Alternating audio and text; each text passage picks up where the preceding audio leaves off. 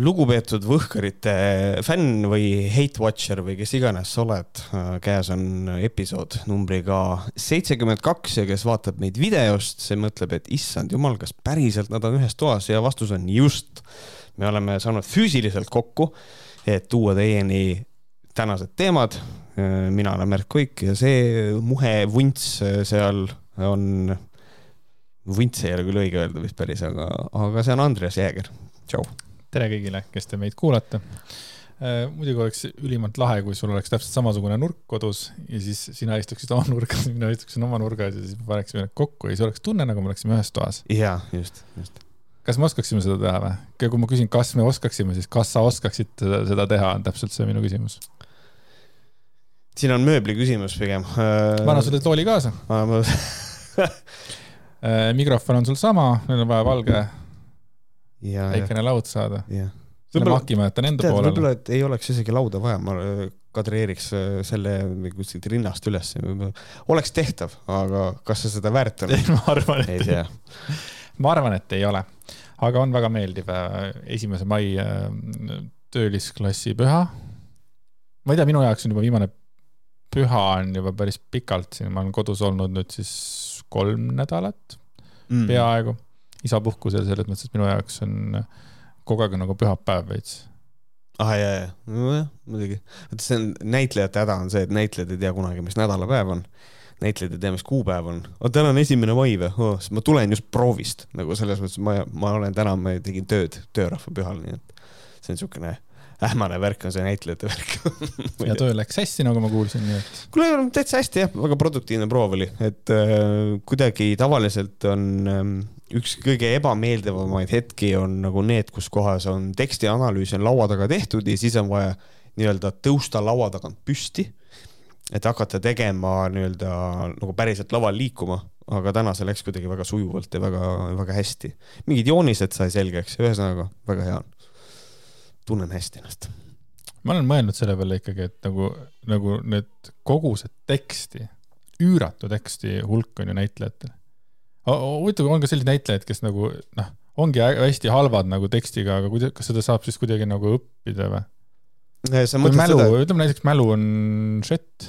Äh, tead, on, ma, ma tean, seda räägitakse, et on osad näitlejad, kellel on mingi teatud noh, et kui palju ta suudab teksti meeles pidada ja et on noh, näiteks äh, see, et kui ma noh, kui mina näiteks tean, et mul rohkem ei ole vaja seda tükki mängida, siis mul läheb tekst hästi kiiresti meelest ära.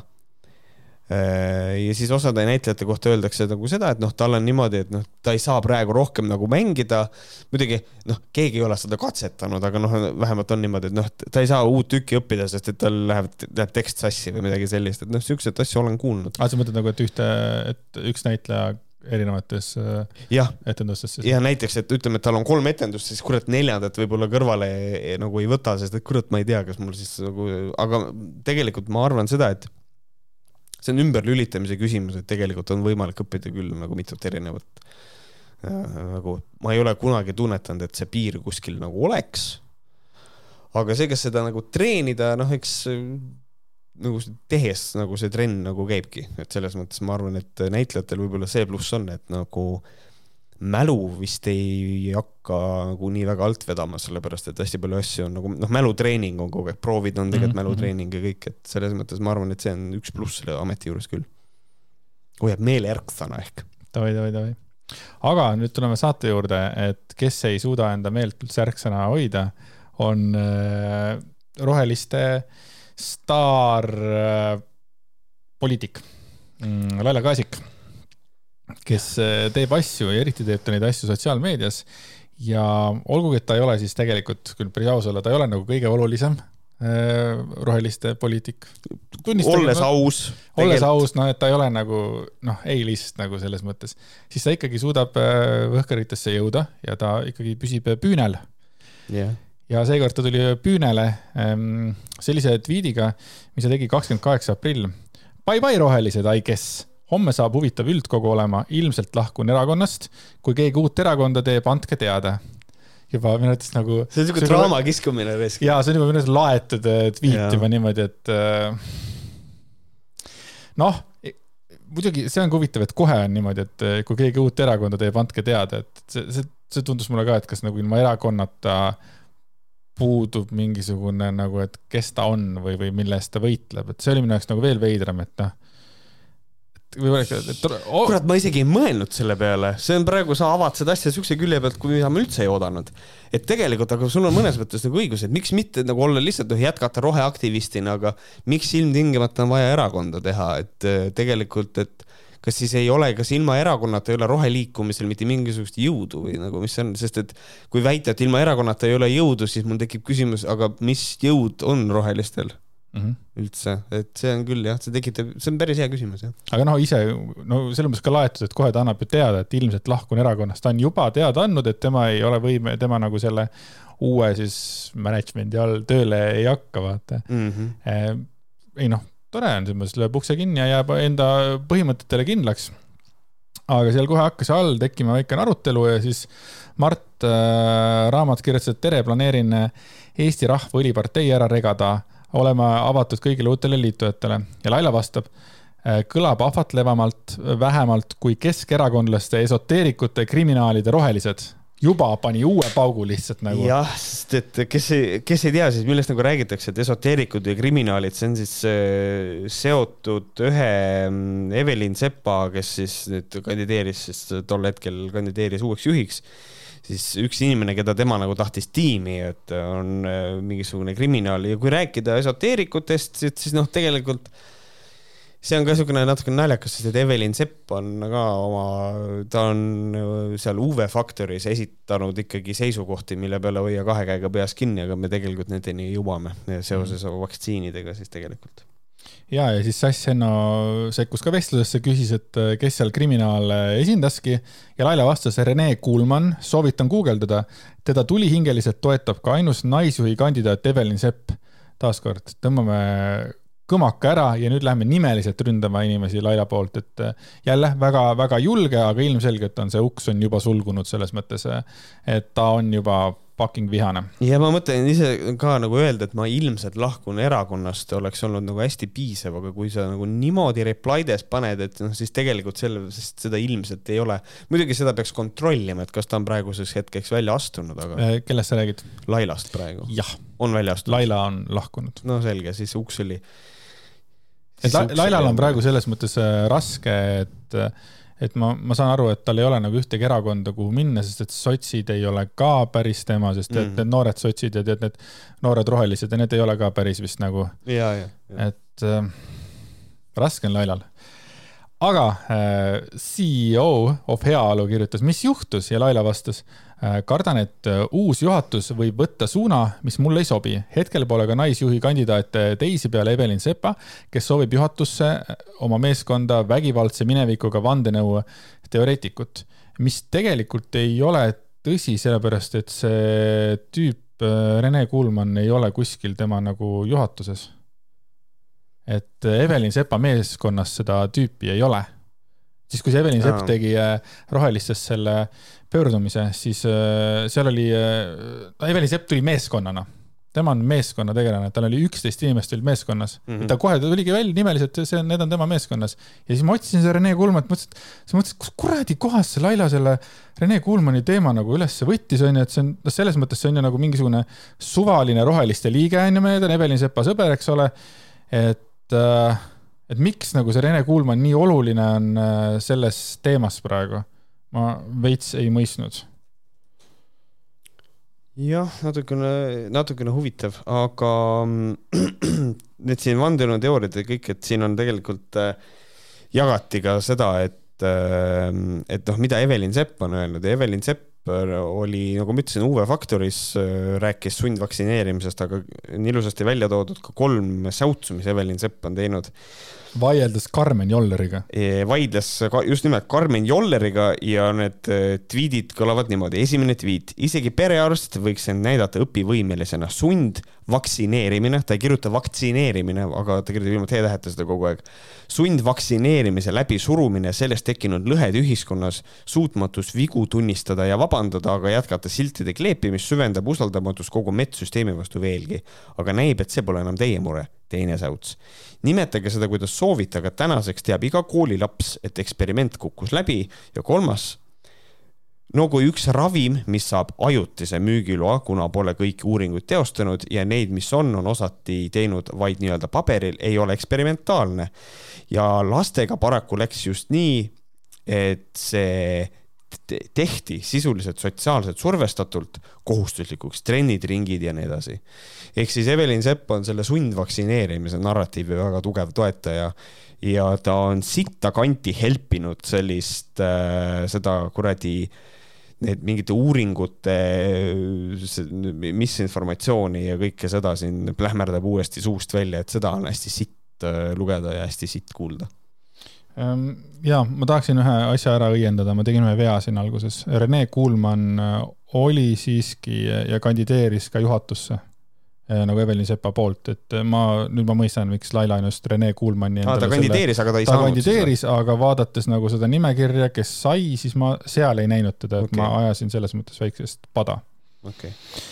Äh, ja minu jaoks on alati hästi huvitav see, et kui hakkavad vaidlema nagu tarkade inimestega, nagu päris tarkade inimestega, et ma ei lähe arstiga vaidlema ja siis selle ja hakkab vaidlema inimene, kes on tegelikult sellest asjast täiesti kaugel ja, ja, ja nimetab sundvaktsineerimist, on ju, mida tegelikult ei ole olnud, kuigi noh, inimesed vaidlevad sellele kohe vastu mm. -hmm. ja nii edasi ja eksperiment ja, ja kõik need sellised asjad, et, et noh, ilmselgelt vähemalt selle vaktsiini vastasus äh, Evelin Sepa sees on. ma rääkisin Johanna-Maria Tõuguga eile meil oli niisugune pooletunnine vestlus omavahel ja tema ütles, et äh, aga Evelin Sepp ei ole vaktsiinivastane. Mm, sellepärast ma praegu ütlesingi, et ta vähemalt on siis selle äh, vaktsiini vastane. Öelda, et ta ei ole vaktsiinivastane, on nagu veits cope, aga okei okay.. Äh, selles mõttes, võttes arvesse, mida ta on suust välja ajanud, siis uh, sure. nagu mul on väga raske nagu võtta, et ta ei ole vaktsiinivastane, kuigi ta on Äh, see narratiiv, mida ta push ib äh, või nagu push'is, oli selgelt see, et see on sundvaktsineerimine, see on noh, okei okay,, selge, see on lihtsalt Johannal ei ole õigus, lihtsalt sorry, aga äh, olgu. jah, see on ka pull, et siin nagu, mis veel leiti Twitteris jagati, oli see, et Evelin Sepp seal kiitis Igor Mangi äh, horoskoopi. ja, ja siis, siis ma hakkasin kohe mõtlema, hmm, okei okay,, cool, et tore, et sa selliseid asju oled nagu, et nüüd, nüüd, et siis, kui tulevad uued valimised, vaata siis ta läheb küsib Igor Mangi käest, kas nagu üldse rohelised saavad vaata tulevikus või ei saa, onju. siis Igor Mang ütleb ära näiteks, et huvitav, kas siis ta nagu lööb käega, et aa ah, okei okay,, Igor Mang ütles, me saame üks protsenti, et siis ei lähegi või? Kui suur see usk on nagu selles mõttes, et sa nagu lausa hakkad sellest nagu kõva häälega rääkima, et Igor Mangi ennustus on ikka õige. ennustused ei saa olla õiged, seepärast et asjad, mis ei ole toimunud äh,, äh neid ei saa ette ennustada. Shoot me jep, jep, minu nagu huvi tekib kohe ikkagi nagu selline, et huvitav, kui nüüd, kuna Evelin Sepp nüüd tuleb suure hurraaga, äh, teeme süsteemi, vaja tugevat erakonda, on vaja professionaalset erakonda ja kõike seda, kui ta seda juttu hakkab ajama, siis mis siis saab, kui valimistulemused absoluutselt ei muutu, siis, sest et siis on nagu küll see, et kuule, nüüd on nagu päriselt mine nüüd minema nagu mm,. jah, aga vaata, nüüd ongi see, et äh, kuna ikkagi see näiteks see äh, vaksivastasus või vähemalt siis noh, ütleme siis selle vaktsiini Äh, mitteuskumine on ju, see võib ju tegelikult avada uue ukse uutele valijatele. selles mõttes, et äh, noh, ütleme, noh. mis tegelikult on, et. vaksi, vaksi vastaseid tegelikult äh, on ju küll ja veel, kelle hääl on äh, korjamata ja kes said EKRE hääle ja selles mõttes, kui sa nagu ei ole niivõrd konservatiivne või nii äärmuslik nagu EKRE on ja usud võib-olla mingitesse teistesse asjadesse, siis sul on mm. olemas nüüd uus võimalus, äh, kuhu poole pöörduda, sellepärast et seal on juht vähemalt öelnud, et, et noh, bad, bad, bad. et huvitav jah, see on nagu siukene kurat, siis võiks isegi öelda, et Lailal oli õigus, et nagu, et noh, tegelikult võib-olla ongi, et see tulebki veits uhhuude erakond. see, ei noh, see võib tulla uhkude erakond ja ma usun, et Lailal on olnud ka varem õigus, aga Laila on Jah. teinud äh, nagu niivõrd palju kahju rohelistele, aga see on jälle see, kuidas mina seda näen, olles sotsiaalmeedias. et Jaa. siis ma arvan, et see, et nagu Laila rohelistest ära läks, on nagu rohelistele ainult äh, puhas kasu. jah, see ei ole nagu, nojah, eks ta kuradi pani väga palju, väga palju hashtag shots fired momente oli nagu, et selles mõttes, et võib-olla küll jah.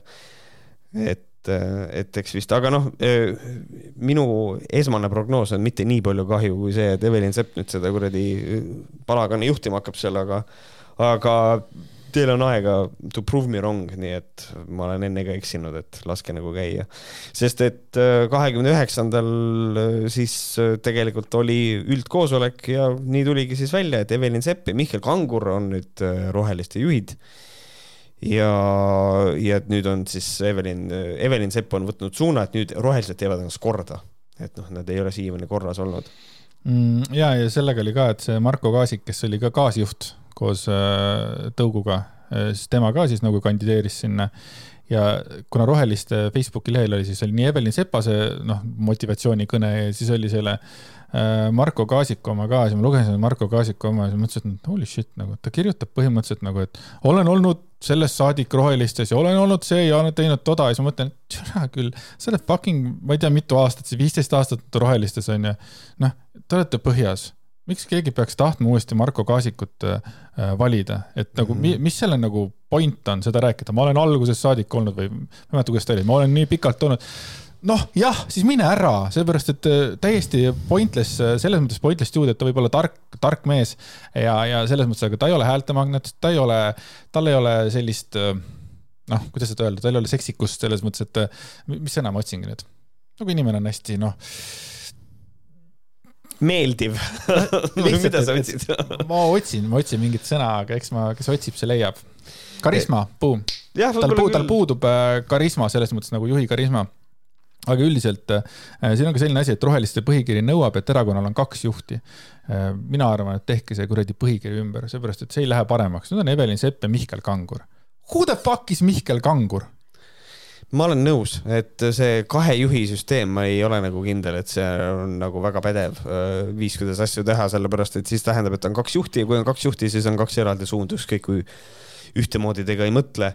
et, et noh, kõik need asjad, mis sa sinna ette loed, et noh, tegelikult kui me mõtleme Evelin Sepa peale, siis Evelin Sepp oli nagu juhiks suhteliselt safe valik, sellepärast et tal on kogemuste pagas on olemas, kuigi samas siis mõni inimene kohe ütles, et, et ei ole, mis ajas mind väga tugevalt naerma ja siis ta parandas ennast, noh eriti kui me räägime roheasjadest, okei okay,, no selge.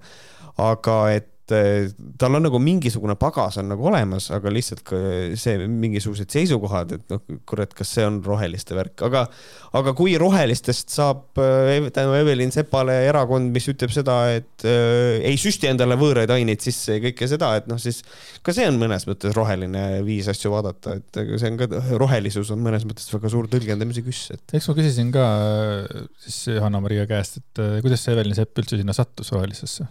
Ja no siis tuligi välja ikkagi, et nagu tema isegi pöör-, tema ise pöördus nagu Evelin Sepa poole. et äh, kas oleksid huvitatud ja, ja, ja nii ta oli ja, ja minu jaoks oligi hästi üllatav see, et nagu ta ei kuulunud isegi rohelistesse, vaata ja siis äkki Mm. ütleb nii nüüd, nüüd ma võtan üle, vaata aga Tõugul vähemalt ütles, et temal ei olnud nagu nii huvi enam äh, hetkel jätkata sellega, et äh, tema, tema, tema nagu väsis sellest roheliste asjast hetkel ära, nii et uks oli tegelikult avatud. ja, ja. noh, aga ja Laila puhul on väga huvitav ka see ka, et ikka on, oluline on see, et ikkagi see naisjuht peab olema. no ma ei tea, kas siis roheliste selles põhikirjas ongi see, et peab olema naine ja mees või? vist küll jah. aga kui oleks saanud siis äh, Evelin Sepp ja Marko Kaasik oleks saanud hääli, kaks siis nagu erinevate leeride, seda, kuidas siis see juhtimine süsteem ma oleks ei tea, tulnud. mulle tundub, et kui on kaks juhti, siis see tähendab seda, et valitakse kaks juhti, aga üks on äh, juriidiliselt, teine on nagu faktiliselt, et see on nagu kuidagi tundub mulle niimoodi. ja noh, meil on kaks juhti, tegelikult on üks, et noh, see on, ma ei tea, ma ar- arvan, et see on näiline, eriti kui see on Sepp, sest et ma arvan, et Sepp on väga kindla käega hakkab olema seda asja seal kuhu iganes mm. -hmm. kreeni juhtima ja siis ega see, mida see kuradi, mida see Mihkel Kangur seal ikka kõvasti teeb ei usu. ja aga selles mõttes, selles mõttes ikkagi, miks ma ei tea, miks kaks korda ütlesin selles mõttes, selles mõttes. Evelin Sepp selles mõttes juhina, äkki ta suudab siis selle rõõmsate hipide kommuuni kuidagi nagu tööle panna meeskonnana. see oleks tore, see oleks tore ähm,. aga, aga, aga mis, mis, mis, mis nagu minu point on selles, et mulle Evelin Sepp ei imponeeri et see ei tee nagu selles mõttes nagu paremaks, et, et nüüd, kui nagu eh, Tõugu ei ole juht ja Laila Kaasikut ei ole, siis kuidagi tühi tunne on seest. jah. Sepal oli see, et äh, sellest saab nüüd äh, meie suvi.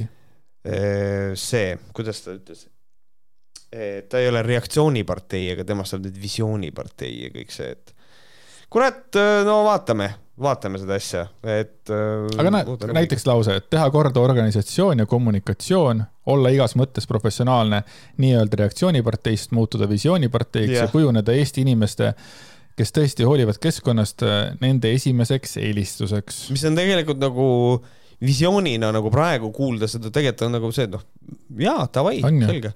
aga siis et seda ütleb Evelin Sepp, siis mul tekib küsimus, et nagu millega te tegelete, et nagu Evelin Sepp oli ju, ta ütles ühes intekas ju seda, seda jagas Kaimar Karu ka, et äh, mismoodi Evelin Sepp väitis, et äh, tuumaenergia ei ole hea alternatiiv. Ja seda kahel põhjusel, üks on see, et tuumaenergia ei ole juhitav. See oli, sundis mind minema Google'isse reaalselt mõtlema, kas ma olen lollakas või, sest et minule teadaolevalt juhitav tähendab seda, et kui nõudlus on suurem, siis me saame juurde keerata põhimõtteliselt. ja tuumaenergia on juhitav, okei okay?. ja siis ta öö, lisas veel nagu selle ka, et kui tuumaenergia tuleb turule, et siis, et noh, võimekus on nii suur, siis see sööb turult välja väiketootjad elektritootjad ja see võib viia üles energia hinna. mis on minu jaoks, oota, et ühesõnaga, kui energiat on järsku hästi-hästi palju, siis energia läheb kallimaks, et see on nagu risti vastupidi majanduslikule loogikale. Ja siis lõppkokkuvõttes tekib küsimus, et kui energia hind siis ütleme, et lähebki ülesse, mm. -hmm. siis kuidas see väiketootja turult välja sööb? sest et väiketootja siis saab oma energiat kallimalt müüa. et nagu see on, vot ei tea, vot ei saa aru äh,, aga minu postkast on avatud eriti selle juhtiva, eriti selle, kas tuumaenergia on juhitav või mitte, vot see mind väga huvitab, sest et mulle teadaolevalt on äh, tuumaenergia mitte midagi muud kui tegelikult nii-öelda siis äh, vana hea aurumootor, mis on see, et noh, pehmelt öeldes hästi, teeme selle hästi lihtsaks. temperatuuriga keedetakse vett, aur lükkab turbiini ringi. Seda temperatuuri saab reguleerida, mis tähendab, et turbiini saab, ühesõnaga see on juhitav, aga ma ühesõnaga, ma ootan seda meili või kirjutage mulle, et see ei ole juhitav. ka see, et ma ei näe just majanduslikel ja julgeolekulistel põhjustel võimalust, et tuumajaama tõsiselt Eestis kaaluda. Ja sinna loomulikult lisandub ka veel palju muid, nii tehnilisi kui ka keskkonnaalaseid küsitavusi ta on geograafiliselt tsentraliseeritud, isegi siis, kui ta on väike, on ta väga suure võimsusega, mis tegelikult tõrjub välja turult teised väiksed tootjad ja toob kaasa hoopis lubatud hinnalangusele ja stabiilsusele vastupidised mõjud. seesama, mis sa ütlesid ja nüüd siis tema sõnadega ka. jah, ühesõnaga jääb mulle täiesti fucking arusaamatuks, aga teate, rohelised, kui ta on teie uus juht, siis seiske selja taga ja, ja selles mõttes, et kui ta on kapten ja põhja läheb, siis ta tuleb koos teiega, et ma loodan. siis oli ka niimoodi, et see, siin on kirjas ka niimoodi, et Sepp tõdes, et erakonnal on väga palju tööd ees, kui nad soovivad, et neid tõsi- tõsiselt võetaks. täiesti nõus. ja siis seal on niisugune lause, ma pean sellesse uskuma, mul pole teist võimalust. ja siis ERR-is ta ütles äh, sihukest asja, et nähes neid probleeme mitte lihtsalt äh, poliitikavaatlejana kõrvalt, vaid ka tehes kaasa valimiskampaania, nähes seda väga lähedalt äh, ja seestpoolt lihtsalt tekkis selline motivatsioon, et võib-olla on midagi pakkuda mul rohkem, kui on seni olnud valikus. väga veidrad äh, nagu sõnade, sõnakasutused, et ma pean sellesse uskuma. tere ütle, et ma usun sellesse. ja teine siis see, et äh, võib-olla on mul midagi pakkuda, kas sul on pakkuda midagi või ei ole pakkuda tähendab siin nagu kokkuvõttes mingit vahet ei olnud, sellepärast ta valiti ära, onju. aga minu jaoks sellised äh, võib-olla ja mul on vaja sellesse uskuda, sellised asjad nagu ei pane minu, minu, mind uskuma temasse tegelikult Mm -hmm. et äh, lihtsalt selline väike tähelepanek. ja mis seal veel oli äh,? ta ütles ühe huvitava asja veel ja ma vaataks, ma leian selle siit äh, ülesse kähku äh,. Aa, Sepp lisas, et seni pole Roheliste Erakond teinud suurt midagi selleks, et kinnitada valijatele, et nende antud hääl läheb päriselt arvesse ja siis, et ta märkis, et nüüd tuleb teha samm, et valijate usaldus tagasi võita. esimene küsimus, mis valijate? mis valijate usalduse tagasi võidab? Ahaa, sa räägid seda Strandbergi äh, pundi äh, esiteks ma kujutan ette Strandbergi, Pundin, kes valis Strandbergi kunagi, need on juba ammu ära surnud, onju. aga kes, keda ta nagu tagasi tahab võita? sellepärast, et viimased väga-väga äh, pikalt. Anti Poolamets äh, väga pikalt on nad istunud ühe, ühe protsendi peal, eks ole, et keda nad tagasi äh, võidavad. pluss see tegelikult, et noh, okei okay,, uus juht selles mõttes, ma ei saa öelda, et vaatab peeglisse, aga vaatab tagasi, ütleb, näed, okei okay,, et vigu on tehtud. aga, aga ma ei tea, kas see on ka päris aus, et suurt midagi pole selleks tellida, et, et, et noh, et rohelised ei ole nagu midagi teinud et ma ei tea, nende väikeste vahenditega, mis rohelised olid, et ma nüüd hakkan nagu veits kaitsma, et nad ikkagi ma... tegid päris palju ja. kusjuures mul on nagu sama, et ma nagu ka, me oleme siin kritiseerinud rohelisi küll ja veel, aga öelda, et nad ei ole midagi teinud nagu, kurat, ma ei ole nüüd, no nad ikkagi tegid nii palju, kui nad püüdsid, aga no hea küll. põhiprobleem, millele me oleme tegelikult tähelepanu pööranud siin äh, Võhkris, on see, et põhiprobleem rohelistel oli kommunikatsioon, that's it. See oli see kõige suurem probleem aga loomulikult äh, nagu nende jaoks põhiprobleem on see, et raha ei ole. kui ja. raha ei ole, siis sa ei saa enda sõnumit nii laialt äh, levitada, nagu ja. sa tahad, ei ole midagi teha lihtsalt. et võta see kinni nüüd siis. et ühesõnaga soovin äh, rohelistele jõudu, soovin Laila Kaasikule ka jõudu, ma loodan, et sa leiad selle erakonna, kus sul parem on. tegelikult rääkides erakondadest, võib-olla siit on isegi äh, üks uus erakond on, Lailale see ei sobi, sellepärast et it's dumb as fuck. aga on tehtud uus erakond Eestis, äh, kui nii võib öelda, ja see on Eesti Rahvaerakond. aga äh, Lailast rääkides veel viimased sekundid, siis Laila vähemalt kuulub, kuulub sellisesse asja nagu progressiivne liikumine, nii et tal on ikkagi oma inimesed mm. seal ümber selles mõttes. ja ta ja. jätkab äh, äh, ikkagi juhatuses seal. poliitaktivistina saab oma tegevust jätkata, jah mm. -hmm. aga tõesti, Eesti Rahvaerakond on oh. sihuke huvitav asi, mis on äh, ehk siis ere äh,. Te võib-olla ei saa aru, et noh, et Ere Eesti on normaalne. Neil on ka veebileht ereesti.ee on tõesti ja...? Ere Eesti Ere Eesti ja tegelikult nüüd selle, selle lugu on nagu, võib-olla mõni inimene on sellega kursis, aga tegelikult äh, erakond ERE on eksisteerinud ka varem. Nad on selle võtnud äh,, selle idee äh, põhimõtteliselt äh, siis äh, Jaan Tõnissoni mm. loodud Eesti, mis asi ta oli, rahvameelne erakond või midagi sellist. ta on nagu selle pealt äh, selle võtnud et äh, kuidagi nagu, ma ei tea, äh, tekitab minus nagu sellise tunde, et veits on nagu siukene, on nagu vargus tehtud, aga samas nagu ei ole ka mm. -hmm. et siuke natuke kole on see asi. Jaan Tõnissoni nagu beebi, beebi ära varastada. ei no okei okay,, aga mulle teeb nalja see, et äh, kes, kes selle nagu taga on. selle taga on Indrek Pähnapuu, Harri Raudvere ja Kertu Luisk ja nagu, mis see Harri Raudverel nagu ei ole muud teha, kui erakondasid teha või, sellepärast et äh, Võhkarid äh, siis haigushoog äh, number kaheksateist, me rääkisime sellisest asjast, mille saate nimi oli Võhkari traditsiooniline põre. seal me rääkisime sellisest asjast nagu pere jah, oli e. erakond Pere siis põlis, äkki oli põliseestlaste rahvaerakond või midagi taolist, aga siis panid selle Pere nimeks. nüüd ta jätkab Erega, onju ja siis valib EKRE-t, et. pere, ere, varsti on re, siis on lihtsalt e. et Harri Raudvere ka ajab mingeid asju, mis asju ta ajab, ma ei saa aru päris hästi. et see on jah selline nagu eh, ere siis on kõikumatus usus ja vankumatus tahtes ja nad on tegelikult oma kodulehel ilusasti kirjutanud ka ja nad sõidavad ju selle peale, et ERE asutati tuhande üheksasaja viie, viiendal aastal, nime oli Eesti Rahvameelne Eduerakond. Mm.. pärast äh, viienda aasta revolutsiooni sündmusi Eesti esimese poliitilise erakonnana. erakond toetas algselt Venemaa konstitutsiooniliste demokraatide partei ideid parlamentaarsest konstitus-, konstitutsioonilisest monarhiast Venemaal täiendades selle nõudmisega Eestile piiratud autonoomiaõiguste andmise kohta analoogselt Soome suur, noh, ühesõnaga kõik selline. ja mainivad ära siin Jaan Tõnissoni ja kõik selle, et tegelikult on nagu minu arust mega nõme teha uus erakond ERE ja siis näidata, et oh, ERE asutati aastal tuhat üheksasada viis, mhm. kuigi see on teine erakond üldse. ja siis nad sõidavad nagu selle peal. aga lähme vaatame põhikirja ka ja siis me saame aru, et tegelikult see asi on mingi kuradi no, täielik fucking pornoraisk. kuradi poliitiline programm. esimene punkt kohe, kes saab aru, sest sellel löövad kohe, kohe on punased lipud püsti. Eesti Vabariik on suveräänne, on suveräänne rahvusriik, neutraalne ja rahuarmastav. ehk siis me peame olema neutraalsed mm. -hmm ehk siis nüüd me hakkame sellest neutraliteedist rääkima, me ei tohi võtta seisukohti, kogu see kuradi pullisitt hakkab pihta. mida tähendab neutraalne tänapäeva kontekstis, on see, me peame NATO-st välja astuma.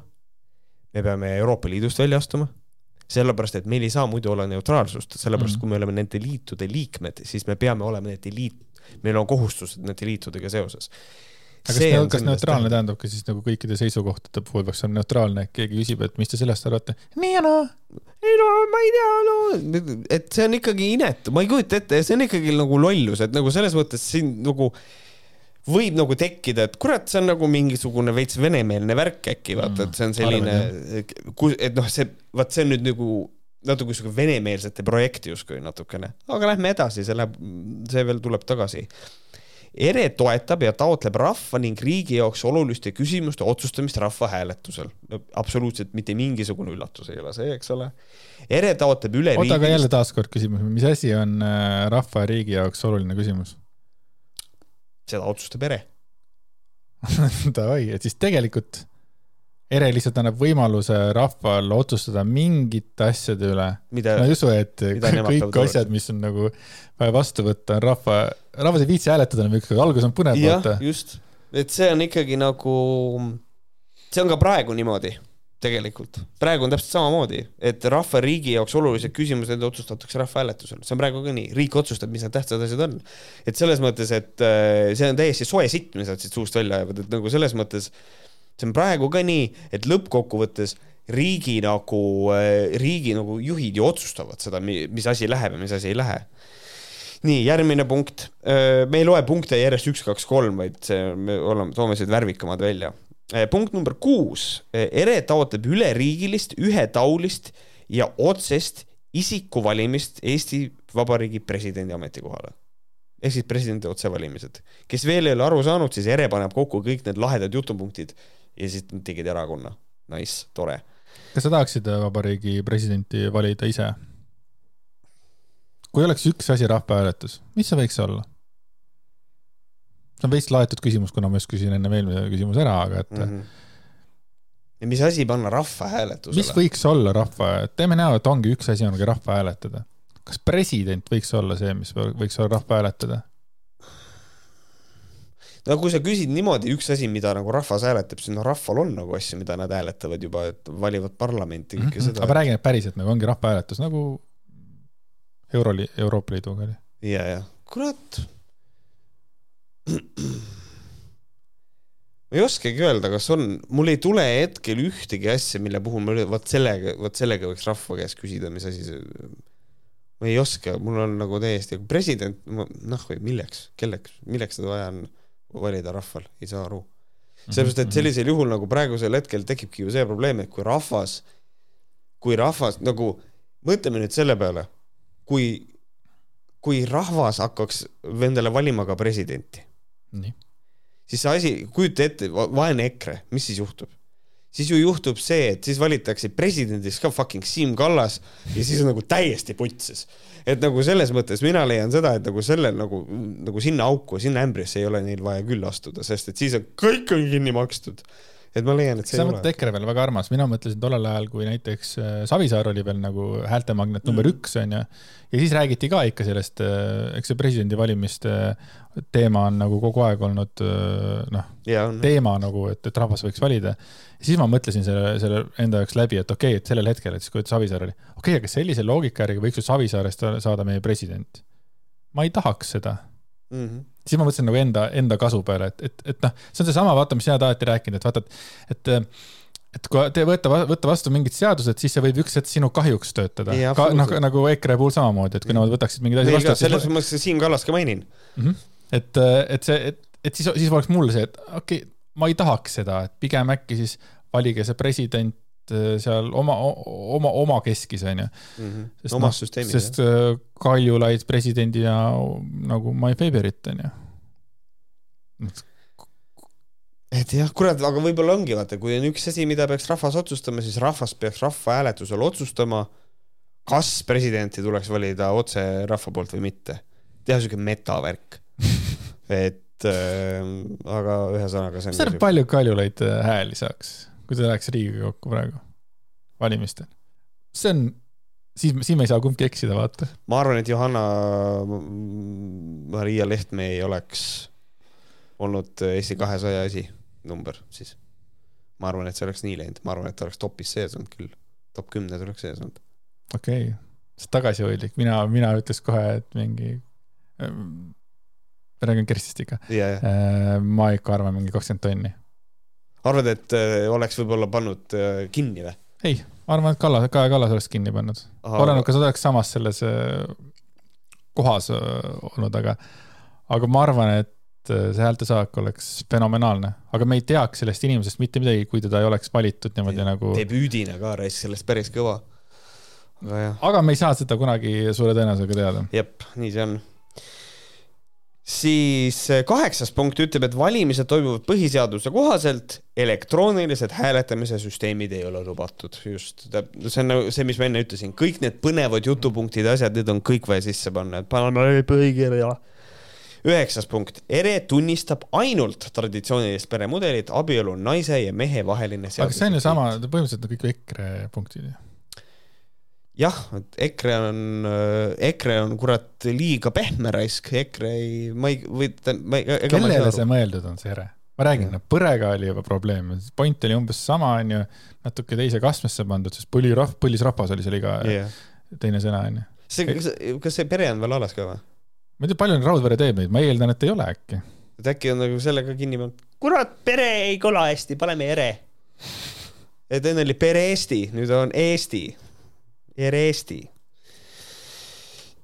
nii, võtan kümnenda punkti vahele ERE seisab erinevate arvamuste, seisukohtade ja põhimõtete vaba avaldamise eest. Eesti Rahvusringhäälingul on informatsiooni levitamisel kohustus veenduda teabe tõesuses ja vastutus väeinformatsiooni jagamisel tekitanud kahjude osas.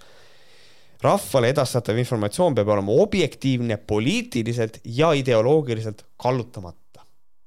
nii, siin on sada kümme probleemi selles kuradi punktis esiteks, et seisab arvamuste ja seisukohtade avald-, vaba avaldamise eest ja põhimõtteliselt eksisteerib see praegu ka, lihtsalt sa pead arvestama, et sul on, sa ka vastutad oma sõnade eest, eks ole mm. -hmm. siis ERR-il on informatsiooni levitamise kohustus veenduda teabe tõesuses, newsflash faktards, see on ka praegu tegelikult, et selles mõttes nähakse kurja vaeva, et info oleks objektiivne ja et info oleks tõene, lihtsalt see, et teile tõde ei meeldi, see on teie probleem ja siis, et peab olema poliitiliselt, ideoloogiliselt kallutamata.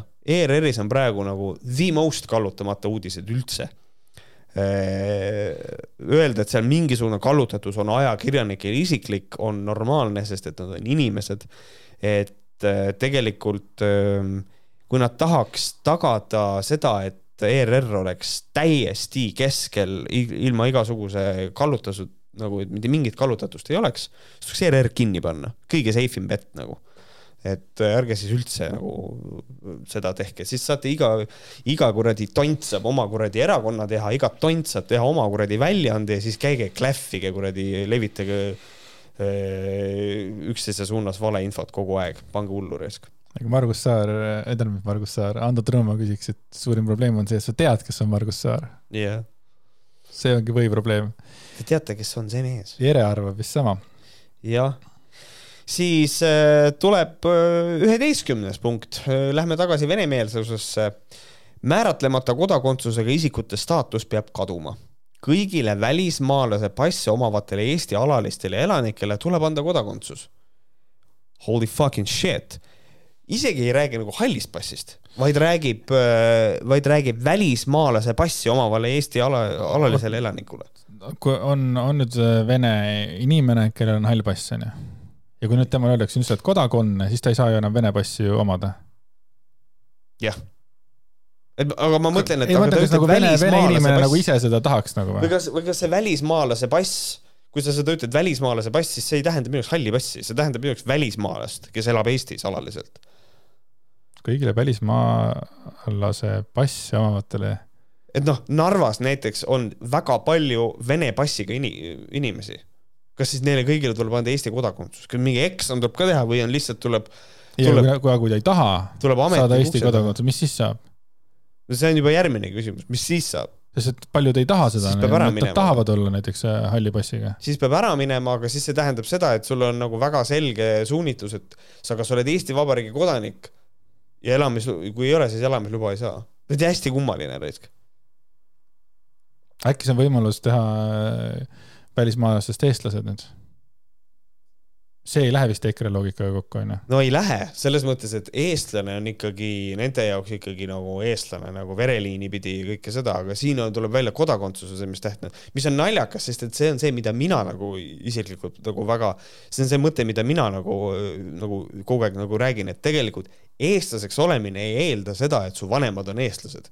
eestlaseks olemine tähendab seda, et sa tahad olla eestlane, sa tunned ennast eestlasena, et see on nii, see on nagu äh, identifitseerimise küsimus nagu tegelikult, et tulen, õpin eesti keeles ära, kes räägin eesti keeles, ütlen, olen eestlane, käin, ma ei tea, laulupidu, fuck yes, noh, minu, see on rohkem eestlane kui mõni päriselt Eesti kodakondsust öö, omav inimene niikuinii, et noh, ma ei tea, see on niisugune natukene naljakas mm,.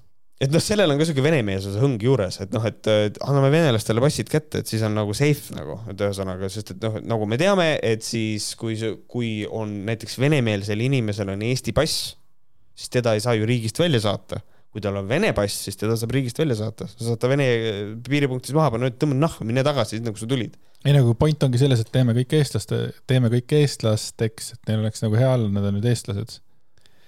Nad ei pea enam struggle ima sellega, et peavad tegema mingit äh, keeleeksamit või mingisugust asja, nad on nüüd eestlased, nüüd on nad rohkem Eesti poolt. ma saan aru selles mõttes, kui Harri Raudvere ja, ja vene meelsus on noh, võrdusmärgiga, onju. noh, ma, ma usun, et sul võib olla õigus. ma siis korra nagu hakkasin mõtlema, et ei no ja see on, kuule, tead, lõppkokkuvõttes, kas see, kas me suudame kahekesti välja arvestada või välja arvutada selle, mis toimub kuradi Raudvere peas, on ka ikka väga, väga vähe tõenäoline nagu selles mõttes.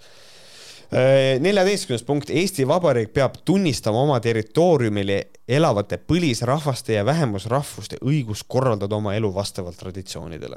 nii, territooriumil elavad põlisrahvad, okei okay.. mis mõte on siis hakata peksma siin inimesi ma, nagu vägisi eestlasteks, kui lõppkokkuvõttes hakkavad dikteerima mingisugused põlisrahvad.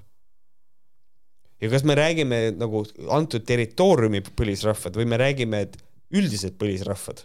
kes on põlisrahvas? just, ja kes need on? võrokesed või?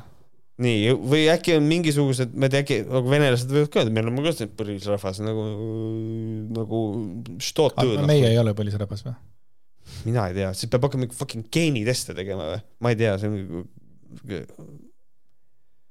Harri on jälle pannud hullu reis. peab tunnistama oma territooriumil elavate põlisrahvaste ja vähmus, vähemusrahvaste õigust korraldada oma elu vastavalt. et riik riigis. riik riigis just jaa et äh, meie käime põlla peal sital, no teil on põhjavesi putsis, palun ärge minge. ei, me käime põlla no et siis on maksupoliitika ja kõik siis nagu. Täiesti Neil on oma see Kirill Teiter on kuningas, vaata jah, ei ole mingisugust ei tea, täiesti kuradi, karist.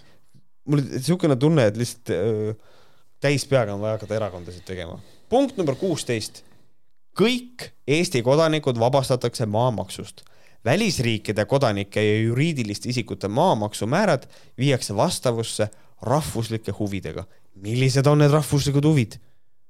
Kas rahvuslik huvi on elavdada majandust väli, läbi välisinvestorite näiteks või on see, et maa on eestlaste oma, mis tähendab, et maamaks on ropult kõrge, mis tähendab seda, et majandus kukub kolinal kuradi pange kuskile. et see on ka nagu, mis mõte, mis kuradi mõte on teha punkt, mis ei ütle mitte sittagi, et nagu viime vastavusse rahvuslike nagu nõuetega või nagu selle rahvuslike huvidega. kirjelda mulle ära, mis need rahvuslikud huvid on siis. Sest et need võivad ju ka, või need on ka nagu, ei need ajas muutuvad, siis miks seda, mis see siis kirja panna, noh, see on ju absurdne. noh, kirjuta lihtsalt Eesti kodanikud vabastatakse maamaksust, kõik. mis on ka nagu veider, aga davai, noh, ei tea, huvitav ja siis seitsmeteistkümnes, mis on hästi popp igal pool, on see, et ametnik peab vastutama süüliselt ja õigusvastaselt tekitatud kahju eest. ma ei tea, tore, ma ei tea, pange hullu. Ja siis äh, Kertu Luisk nagu jagas, et niisugune erakond on tulnud ja siis kommentaarid on hästi toredad, Ene kommenteerib, kes tegi? Indrek Pähnapuu kirjutab, mina olen asutaja. Ja siis Ülle Pukk äh, kirjutab, et Indrek Pähnapuu, Harri Raudvere ja Kertu Luisk on organisatsiooni alustalad. Ja siis Eha kirjutab, nendega läheks isegi luurele, kui natuke noorem oleks. mis on nagu kaheti loetav, et üks on nagu see, et ma olen nii vana, et ma ei jaksa enam luurele minna aga noh, aga teine on see, et kurat, Harri Raudverega läheks luurele küll, kui noorem mina oleks. mina tundsin ka seksuaalset vaibi siin, aga see võib olla üldse minu probleem. ja siis äh, Ehala vastatakse, tule ja ühine meiega, meile on vaja igas vanuses tarkust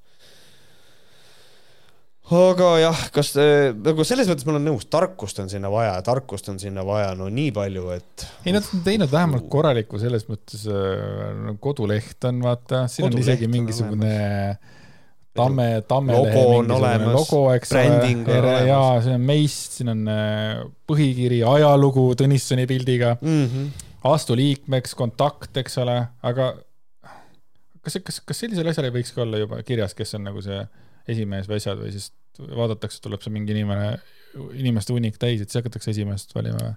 kuidas, kuidas sa tead kuidas see teemaga on? ilmselt tahetakse, noh, kõigepealt neil on vaja viissada inimest kokku saada, mhm. onju et selles mõttes, et äh, nad ei ole nagu enne seda erakond. aga kui te tahate liituda, siis te võite ka helistada viis, kaks, kaheksa, kuus, neli, kaks, kaheksa. ja e-post on ere at ere Eesti, ere Eesti on kokku kirjutatud, eks ereeesti.ee ja ka isegi saab kirjutada äh, kirjatuvi äh, postkasti.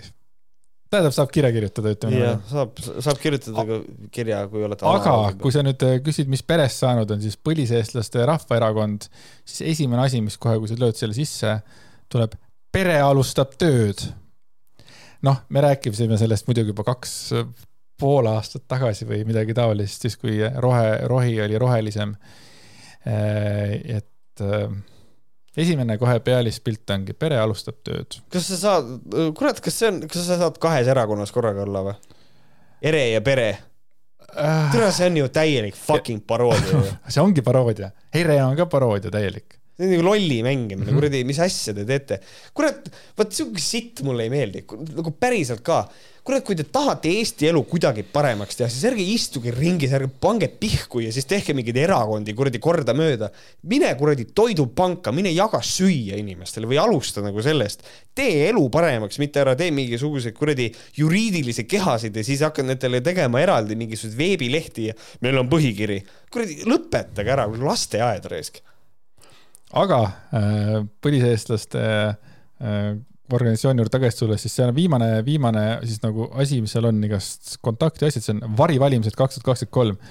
pere korraldab kahe tuhande kahekümne kolmanda aasta Riigikogu valimistega paralleelselt varivalimised seoses e-hääletuste ja paberhäälte kokkulugemiste äh, jälgimatusega. siis on mingisugune teema siin ja siis äh, kutsume üles kõiki valijaid salvestama oma valiku kontroll kokkulugemiseks fotoga oma pabervaliku või kuvatõmmisega e-hääletuse valiku. tõendid on oma valikust, palume saata e-postile aadressil varivalimised kaks tuhat kakskümmend kolm at poliseestlased.ee. selle ja, ja, ja. või Redditi kaudu saab ka muide. me pole mitte munnigi kuulnud sellest mm. -hmm. Mis see tulemus oli, said viis meili. kurat vähe, liiga vähe tatat on raisk häälte kokkulugemist kutsume vaatlema kõikide hääletustel osalevate erakondade esindajad ja Vabariigi Valimiskomisjonide liikmed ja iseseisvate riikide esindajaid. varivalimiste vaatlejaks palume registreeruda kantselei, et poliseestlased.ee. aga mis siia siis, mis sellest sai? mida vittu, miks nagu, okei okay,. et miks, mis sellest sai, et nagu, aga viimane postitus siin on kakskümmend kaheksa neli, pühade tervitus. noh ongi pühade tervitus. Läks veits putsi. põhiseaduse liberaalsel tõlgendusel kestab valimispühapäev juba terve nädala. vaid ühtsena suudame tõsiseltvõetavalt seista oma piirkondlike ja tõsiselt vaba rahvusriikluse eest. et äh, asju toimub. ikka siin toimub ja see on kolm postitust juba see aasta tehtud raisk. Ühesõnaga pere eksisteerib ja nüüd on ere ka veel kõrval. Peaasi, et, peaasi, et ennast ribale ei tõmba. mina ise arvan seda, kui ikka Ah, jaksad. Harri Raudvere. pere, ere, Raudvere. see on, ta on lihtsalt jaa, selle, selle peale ei mõelnudki. väga. erilise rahvaerakond tuleb ka, Vere. tead, Harri, sul on siin veel variante küll, peaasi, et sa ennast lõhki ei tõmba, et see on nagu liiga, kes jaksab kõiki neid sotsiaalmeediakontosid halata raisk. Aga Harri Raudvere on ju väga palju hängib koos selle Kivisildniku ja nad räägivad mingisuguseid hirmsaid lugusid kuskil. peavad Eesti Vabariigi matuseid ja ja, ja, ja koos see venemeelsetega on. siuke lahe gäng. ja, aga kes veel on väga lahe gäng, on Juku-Kalle Raid ja Varro Vooglaid mm.. Mm. Nad on üks tore gäng ja Juku-Kalle terav, teravmeelitses äh, Facebookis veits ja kirjutas sellise postiituse. Murro ja Türro. täna sain e-kirja anonüüm, ei naera. Täna sain e-kirja anonüümseks jääda soovivalt murelikult EKRE liikmelt, nii oligi alla kirjutatud. too sõimas mind, et käin Riigikogus särgiga Mutin on punn. ta tegi märkuse, viidates sellele, et minu särgiga on rahulolematu ka Varro Vooglaid. mis kurat neid ärritab selle Mutin on punni juures? oleks ma siis käinud ringi särgiga Murro on vann või Türro on vara. võiks aru saada, muuseas geniaalsed vendade nimed Murro ja Türro. minul nagu, see on nagu küll räme mõttekoht, et nagu milline kuradi simp sa oled, nagu päriselt ka, milline kuradi hale nagu nustik peab olema inimene, et sa kirjutad, mina kirjutan Juku-Kallele sellepärast, et tead, et Varrole ei meeldi su särk. nagu kuradi, las Varro ise tegeleb sellega, kui talle see ei meeldi, miks sa pead talle seda eraldi kirjutama? see on nagu lihtsalt nagu, see inimene võiks küll ikka väga sügavalt nagu järele mõelda, et ta ei ole nagu, ta on, ta on fucking jünger ja punkt, kõik. jünger lihtsalt.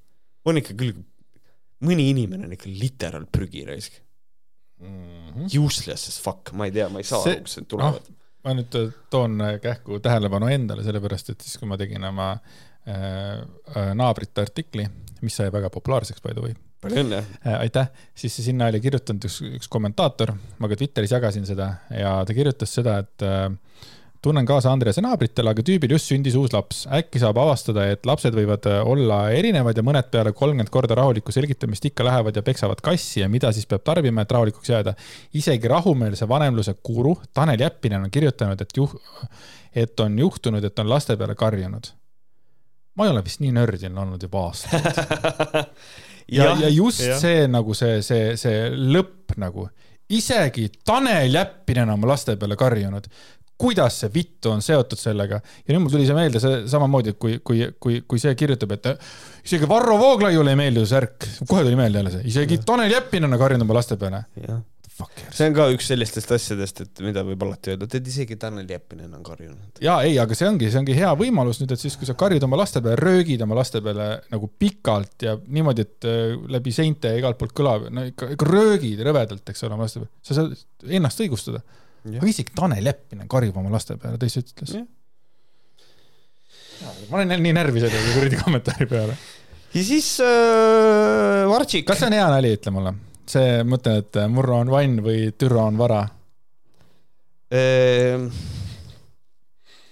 tead, sihuke, see on sihuke okei okay. see on sihuke okei okay.. aga Varro, Varro ka postitas ehm, ja kirjutas niimoodi. Väga austatud ja kõrgesti haritud kultuuriinimesest kolleeg võttis avalikult sõna. mõni ime, et Riigikogu maine on räbal, kui sellist, kui selle liikmete seas valitseb selline lasteaia tase. noh, et see on niisugune jälle nagu, nagu selline asi, et nüüd ma saan aru, et nüüd on isegi tehtud mingisugune, kuidas neid nimetatakse, toetusrühm või asi on äh, ka, et oleks viisakas riietus. Ja, ja seal on ka Grünthal minu arust ja Grünthalist on levib pilt ka Twitteris, kuidas tal on lips, mis on ühel ajal nii kikilips kui ka tavaline lips. sa tead, häid lipse ei ole kunagi palju. nagu Jah. öeldakse, häid lipse mahub äh, palju ühte kõrri, kõrri, et, et kõrisse. et see on äh, siukene, ma ei tea, ma ei tea, noh, ma ei oskagi nagu öelda, noh, siin on nagu see asi, et kas, kas meil on vaja hakata määrama nüüd dress code'i Riigikokku, kas see on oluline? ja sellepärast, et sa tead seda, et viisakas inimene riietub vastavalt kui sa riietud mitteviisakalt, siis sa ei ole ka automaatselt viisakas inimene. no jaa, aga sellest samast on nagu, võime kohe välja tuua Varro Vooglaiu, kel, kes on väga viisakalt riides, aga esitab küsimusi, mis on lihtsalt täiesti debiilsed nagu nagu see, kuidas ta küsis Kaja Kallase käest, et noh, kuule, te siin paar aastat tagasi ütlesite nii, nüüd on asi teistmoodi, kas te valetasite? siis nagu türa, asjad muutuvad ajas nagu. aga Kaja Kallas ei vastanud, et äh, ei valetanud, ma muutsin oma seisukohta. just see on küll, ma ei tea, see on kuradi nukker on see kõik. ja siis kommentaarid Vartšiku postituse all. Lembit tasuja kirjutab Juku-Kalle Raidi suunas. palun astu Riigikogus tagasi, selline äärmiselt labane käitumine on rahvaesindajale, seaduseloojale täielikult lubamatu. seda ei ole mitte kuskil kirjas, see on väärtushinnangute küsimus, kallis Lembit.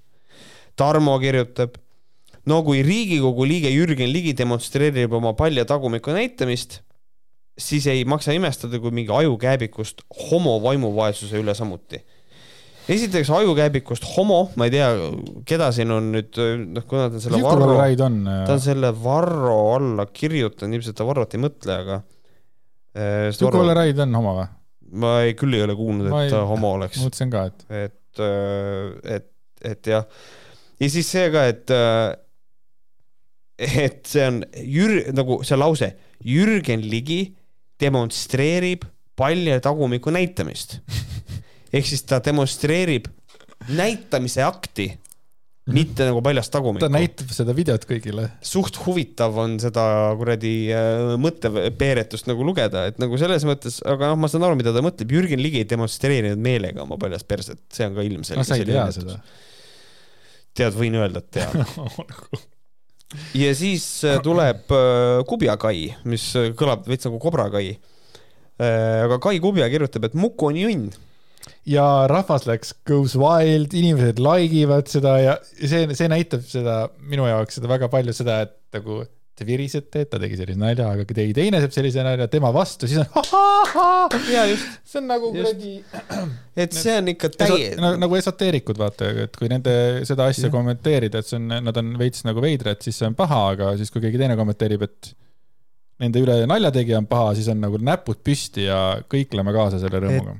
See on ikka inetu sitt küll, et äh, kritiseerite, et ta teeb niimoodi, et ta kannab sellist sõnumit ja siis olete tema suunas tehti sedasama, et see on jah, see on nõme, aga pole mõtet seletada pilte surnud jänesele, ma arvan, et me võime siit koha pealt edasi minna. Palju põnevamate ja palju tähtsamate teemad, niisugune kriminaalromaani peale minna, mis on see, et Elu24 jagas väga kõva pommuudist ja pommuudis oli see, et selgeltnägija Tene Laul pisteti Egiptuses vangi. et äh, huvitav küll, et kas ta ei näinud ette, et ta vangi läheb, aga see võib-olla. ma arvan, et tal ei olnud kaasas neid igasuguseid asju, mida ta müüb. sest ta müüb iga asja jaoks igat võimalikku asja. kõigi, kõigi asjade jaoks, mis sul elus on mõttes, selle jaoks on olemas mingi amulett või mingisugune asi, mida panna. no muidugi, selles mõttes see on, vaata, võib-olla tal ei mahu ümber keha või ümber, võib-olla ta, võib-olla ta ei mahu nagu taskusse ja, ja ümber kaela ja kõike see nagu, mis oleks saanud selle ära hoida sellel hetkel. käib, ta peab reisil käima niimoodi, et tal rekkad ei saa mul ette, see on järel. tal on nagu PA, aga noh, suured kõik, kõik kael on täis, vaata. Oh jah ühesõnaga, siis ühismeedias Teene Laul kirjutas Eestis tagasi Egiptuse vanglast. naine ütles, et kinnipidamise põhjuseks olevat Egiptuse ametivõimude sõnul olnud telefoni ja rahavargus. kallaletung, millest pääsesin tänu enda võitlusoskusele, aga tekitas segadust, kuna naine suutis pääseda mehe käest, kes kakluse käigus lubas mind maha lasta ja ära tappa, selgitas Teene olukorda, millest kõik alguse sai. juuksed läinud, pole hullu, kasvavad tagasi. nii, küsimus, kas tal on kõik juuksed läinud? See, see, sest ta ütles, et juuksed läinud, pole hullu, kasvavad tagasi. Äh, teine küsimus on ikkagi see, et kas päriselt siis, kui inimene põgeneb ära Egiptuses mehe eest, siis pannakse ta vangi? sest see praegu tundub niimoodi, et mm -hmm. ta pa-, ta pandi vangi selle eest, et naine suutis pääseda mehe käest, kes kakluse käigus lubas mind maha lasta, ära tappa. aga noh, kes teab, raisk. juuksed läinud. Juuksed läinud, pole hullu, kasvavad tagasi. mul on kaklusest palju vigastusi, vanglas istumine valesti mõistmise pärast ja suure bürokraatia tõttu on tohutult suur elukogemus. ilmselt suudan absoluutselt kõiki nüüd võita, teatas naine uhkusega. alati kaitsta end kuni elu lõpuni välja. alati ei ole võimalik kaitsta end. alati ei ole jah, eriti kui lolli möla suust välja öelda. ja siis, kui, kui sa parasjagu vangis istud. Tene tänas kõiki Egiptuse ja Süüria sõpru, kes teda väga õnnelikuks tegid. mida see tähendab? see on tekitav küsimus, et what? mis lause see on üldse, et Tere tänas kõiki Egiptuse ja Süüria sõpru, kes teda väga õnnelikuks tegid? kuidas? peale vabanemist kõik tegid mind õnnelikuks, olid mulle miljon. miljon protsenti olemas, minu kõrval olemas. esiteks klatime selle ära, protsendid on nullist sajani. et äh, miljon ei saa olla protsent, aga see ma olen sinuga on, sada viiskümmend protsenti nõus. See on, aitäh, see on mõttetu nitpikk, aga olgu. et äh, peale vabanemist tegid, kõik tegid mind õnnelikuks. mida nad tegid, need õnnelikuks tegi sind vabanemine, lihtsalt sul kõik mõjus sulle nagu hästi. oh my god, sa oled siin, ma olen ja vaba. palju tal on Süürias ja Egiptuses sõpru, päriselt ka, ja kuidas ta peale vabanemist, miks nad tulid siis nagu, teine rekk on sõpru täis. ja kuidas nad siis tulid siis nagu, nagu, sa olid selle politsei station'i taga olid nagu või? vabastage Tene laul või? Kus nad teadsid seda ja nii edasi Free? Tene, see on nagu Free Top G, Free Top Tene, Tene, Top Tene reasons to be in prison ähm,. politseiga sain lõpuks kõigega headeks tuttavateks, täpsustas Tene oma postituses ja tõdes, et lahkus vanglast šoki ja naeruga. noh, kuna ka politsei tegi lõpuks kõik selleks, et mind sellest olukorrast kiirelt välja tuua, kui mõistsid, et olen sada protsenti süütu sõdalane, kes oskas agressi-, agressiivse tugeva mehega võidelda. see ei ole nende jaoks tavaline. saime See- aru jah, kui ta kinni pandi selle eest. selgeltnägija lisas, et ta ei saanud, et ta ei saanud kedagi isegi appi kutsuda, telefon võeti ära, ei saanud mitte kedagi appi kutsuda, mitte keegi ei teadnud mitte midagi, ei eestlased, ei egiptlased, mitte keegi ei teadnud mitte midagi. kus on lähim politseinik? kõik tegid mind üliõnnelikuks, mitte keegi ei teadnud mitte midagi. tal on nagu kõik või mitte midagi. jah, enda kaitseks väidetavalt ahistavale mehele vastu hakanud Tene sõnul sai mees tema käest korraliku säru nii sõnade kui ka minu vastu võitlemisega. aga see on tubli, kui see, See on see tubli, oli kui see oli nii, siis äh, selles mõttes vägivalda öö ja väga tubli, et äh, Tere andis äh, vastikule ahistavale mehele Mhm. ikka tatti. Eestlanna sõnul oli ta kaheteistkümne ruutmeetrises vangikongis koos kahekümne kahe naisega, kelle seas oli nii ukrainlasi, erinevaid, erinevaid Aafrika riikidest kui ka Egiptusest pärit naisi. küsimus, kuidas ta teadis, et on kaheteist ruutmeetrine vangikong, kas ta hiljem vaatas selle järgi, kas keegi rääkis talle seda, kas ta küsis politseiniku käest, miks see oluline on? kui suured teie kongid on? kas ta oleks võinud lihtsalt öelda, et ma olin üsna väikses äh, vangikongis koos kahekümne kahe naisega, mida ta arvatavasti luges niimoodi üle, sest ma ei tea, ja siis mingil põhjusel ja hästi oluline oli teada anda, et seal oli ukrainlasi, erinevaid Aafrika riikidest kui ka Egiptusest pärit naisi. miks see, miks see oluline on ja järgmine küsimus, miks nad äh, olid kõik vangis? sest Mil- äh, varsti ta hakkab kirjutama, kui armastus seal suur oli. kas, miks need naised seal vangis olid? mulle, mulle, see on veits kohatu, aga mul on selline tunne, et valgete naiste käest julges küsida, kuskohast nad pärit on. ja siis need, kes ei olnud valged, siis ta lihtsalt ütles, no need olid Aafrika riikidest. jah, nutsin nendega, jagasime, jagasime viimast vett ja nad andsid enda viimase saiatüki kas mulle. kõik andsid äh, oma viimase saiatüki talle, igal oli üks saiatükk ja nad andsid mingil põhjusel Tenele, kas Tenel oli ka saiatükk, mida tal oleks ise andnud või tal oli nii suur nälg, et ta sai enda oma ära ja siis kõik andsid enda oma? Või oli üks saiatükk keset seda äh, kaheteist ruutmeetrist vangikongi, kus istus kakskümmend kaks naist, ma kujutan ette, et no umbes enam-vähem nagu ringis ja seal üks saiatükk oli keskel. Ja siis, kuna Tene mingil põhjusel no ikkagi oli- maagiline inimene oli- selles mõttes. äkki ta tinistas ära need, andke sai mulle, andke sai mulle, siis keegi ütles, kas sa tahad seda sai endale? teene, teene. armastus, suur ja sügav armastus oli aga miks seal. ta nuttis nendega? miks ta nendega nutis? miks ta nendega nuttis, kas seal oli veel sest et rohkem traagi- saia, sai oli nii vähe. ma mõtlesin, et ega see oli mingi traagikas ja ma tahaks nagu, et ta laiendaks tegelikult seda, et miks nad koos nutsid ja kas nad nutsid kõik koos või nutis mingi osa ja nendega, ta ütleb nendega, these people või? ja tegelikult, tegelikult on niimoodi, et Ene üksinda tönnis, siis ütles, kuule, näe, võta see sai raisk. jagasime viimast vett, kas seal oli mingi väikene, üks klaas oli jälle või kuidas see viimane vesi tuli sinna? pisarad. okei, sa mõtled siis nagu Aafrika riikide naiste pisarad? jah, võib-olla. armastus, suur ja sügav armastus oli seal, kõik oli sügav, nii sügav, et iga teise inimese süda oleks lõhkenud, kui seda oleksite ise kogenud. okei okay,, aga millega need naised, kas kõik naised olid siis kuidagi pandud sinna vangi äh, ilma põhjuseta, kas kõik naised olid andnud äh, mehele toolakat ja kõik nagu, mis armastus seal oli? nagu mis armastus, kas kakskümmend üks naist, kaks, kakskümmend kaks naist olid ilma põhjuseta samamoodi nagu Tene või? Ma ei tea, ma ei kujuta ette, kakskümmend kaks võõrast inimest on pandud kuradi kongi kokku ja siis seal tuleb mingi suur armastus, ma ei tea. Nad utsid, jagasid, jagasid viimast saia minu hing on Eesti süsteemi telgitaguste kiusamiste tõttu kasvanud nii tugevaks, tänu sellele suutsin end välja päästa. jah, mida huvitav äh, on teinud Eesti süsteemi Telgi. telgitagused? mida, mis seal telgi taga siis nagu ja toimub? kes kiusab teda ja kuidas kes kiusab? kes kiusab Tene, käed eemale Tene lau-, laulust, laulist la.... mina ütleks laulist vist. Tene, jätka Tene rahule lõppes nii, et kõik tõstsid mind õhku. mul on selline tunne, et ta lihtsalt äh, nagu ta kirjutas ja siis ta läks fantaasia lendu, et ta tegi, ta, ta suutis lühikese ajaga seal kongis sekti teha nagu. no, no selles mõttes, et lõppes nii, et kõik tõstsid mind õhku. kas õhku tõsteti seal äh, nagu naiste poolt seal sees või tulid politseinikud ja pidid ta kuidagi, nad, nad ei saanud, nad ei mahtunud sinna kõrvuti kõndima, nad tõstsid Vene laulu õhku ja siis kõndisid läbi näiteks. sellele, võib-olla ta, vaata see kong, kus ta oli, seal polnud ust ja siis tal oli vaja üle tõsta sellest. võib-olla see oli midagi sellist. ja kõik nagu, kas kõik politseinikud või?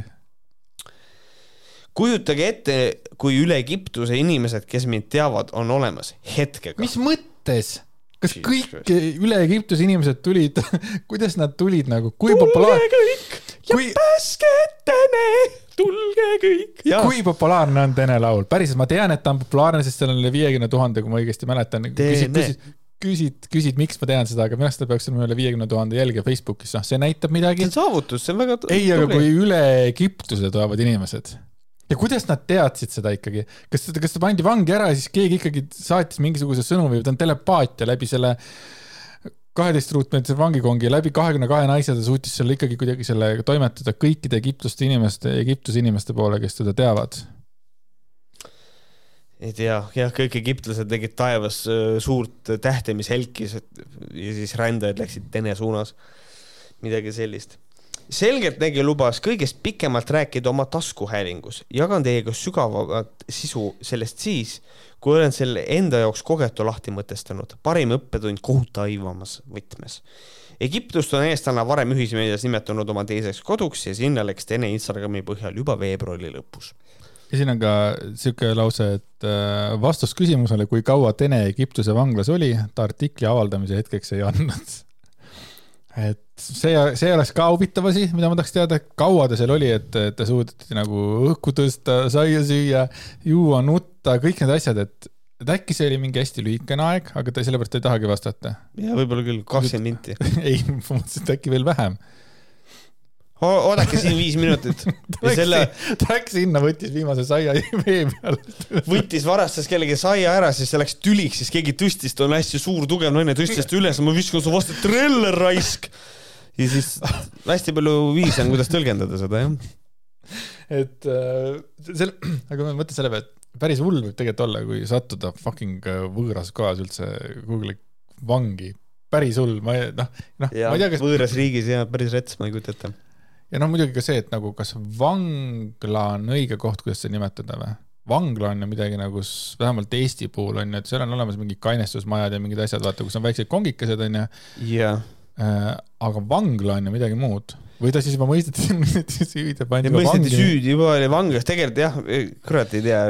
ta on nii suureks selle asja teinud, et ei, me muidugi tuleme kaasa sellega, sellepärast et, väga... sest et see on äge lugu, kui ta andis, kui ta andis mingisugusele pätile andis tegelikult tongi ja peale seda kogu Egiptuse rahvas tõusis püsti ja, ja, ja kõik olid ja. kõik, selle, see oli meedias, rahvas tõusis püsti, teene, teene, kõik tuleb välja, et seal on uus president, äkki seal on otsevalimised, äkki rahvas saab valida? jah, Eesti Nokia, mida me oleme otsinud ammu. Tene laul, kas sa tead, et on tulemas ka Eurovisiooni laul varsti? et äh, Tene laulu kõrval on ka Eesti laul, et äh, varsti on jah, jah, Eurovisiooni laul ja kõik see mm. -hmm. nii, äh, ühe kõva naise pealt lähme järgmise kõva naise peale, kelleks on Mari-Vivian Ellam kes on emakeeleõpetaja ja tema kirjutas artikli äh, pealkirjaga, et abieluvõrdsus rikub laste õigusi. Äh, arvamus otse loomulikult tuli välja Postimehes, sest et praegusel hetkel Postimehest on saanud täiesti batshit konservatiivne äh, leht. sa oled täna, sa oled täna vihane.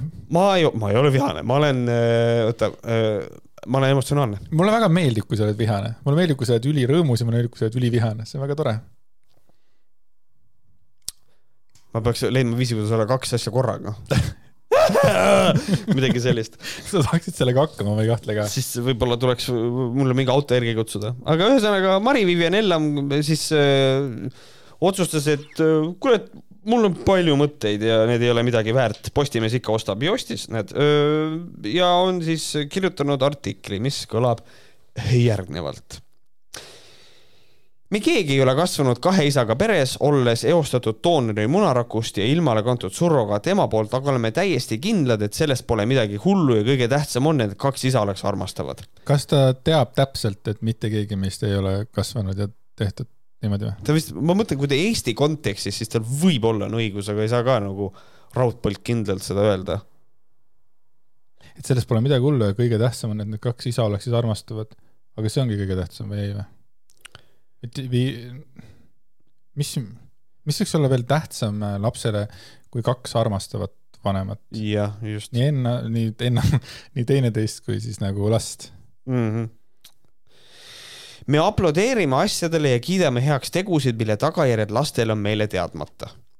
samast soost inimeste abielude seadustamine on lasteostuhõnguline ja rikub laste õigust tunda ja olla kasvatatud oma bioloogiliste vanemate poolt. see on esiteks, kõik ei taha kasvatada oma lapsi äh, kui nad on nad bioloogiliselt saanud. mõni inimene reaalselt äh, ei, ei lähe neid üldse korda, aga, aga sellest me ei räägi, on ju niimoodi, sellest me ju ei räägi. katkistest äh, heteropaaridest me ei räägi. absoluutselt, sest et neid ju ei ole olemas ja, ja minu jaoks on hästi kummaline hakata rääkima laste ostust.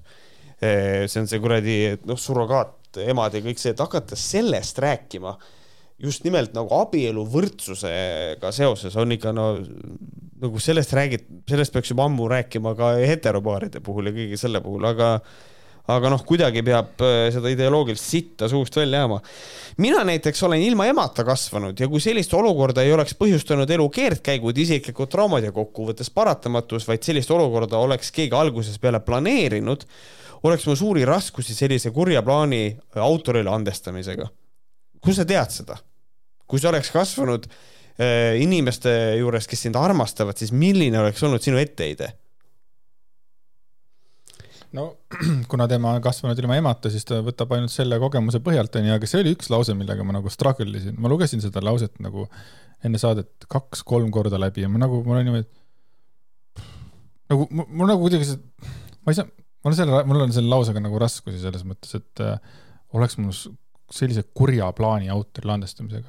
kurja plaani autor, see on siis nagu siis üks tema siis nendest äh, äh homoisadest siis, nagu, nagu ta kellest räägib. ja keegi siis peaks olema autor. minult on ema ära võetud, aga ta on sündinud. see on jah, see on kuidas seda, kuidas seda näha, et kas see klaas on pooltäis või pooltühi, et ma olen sündinud, ma olen õnnelikus peres kasvanud ja nii edasi või siis olla vihane terve elu, et miks mul ema ei ole või? jah, hästi kummaline risk. emata ja ema armastuseta kasvamisega leppimine on olnud valus teekond ja see minu väga isiklik kogemus on põhjuseks, miks ma tunnen vajadust seista kõigi praeguste tulevaste laste õiguste eest tunda oma mõlemaid bioloogilisi vanemaid ta nagu hästi palju nagu seisab nagu selle nimel, et bioloogilisi vanemaid on vaja tunda. aga elu keerdkäigud on okei okay,, kui isa või ema nagu ära läheb või midagi taolist, see tundub, et on okei okay.. see, ta jutust jääb see mulje jah mm. -hmm, mm -hmm. et noh, siis ei ole plaani. just. siis ei ole plaani, et see on nagu veider. aga kui on plaan äh, naisele laps teha, ise ära põgeneda no,? kas see on elu keerdkäik või see oli plaan, mida ei tohi kunagi andestada. aga kui ta tulevikus on kaugelt olev, aga hea isa näiteks ei no küsimusi on selles mõttes. küsimusi on väga palju. ma kasvasin üles armastavas peres, mul ei ole ühtegi etteheidet oma üleskasvatajatele, nad toitsid ja katsid mind, andsid mulle hea eeskuju ja hea hariduse, hea stardipaku eluks. aga see ei asenda ema mul hästi tore on nagu lugeda seda, et üleskasvatajatele tegelikult tõmmatakse vesi peale. täielikult. et noh, tegelikult kui väga nagu nemad sind armastasid, kui väga, kui palju sina neid armastad siis nagu selles mõttes, see ei asenda ema nagu.... ma, tänan, ma tänan kõik, kõiki vana-vanaemaid, kõiki oma isa, kes tegi kõik seda, seda, seda, seda, seda.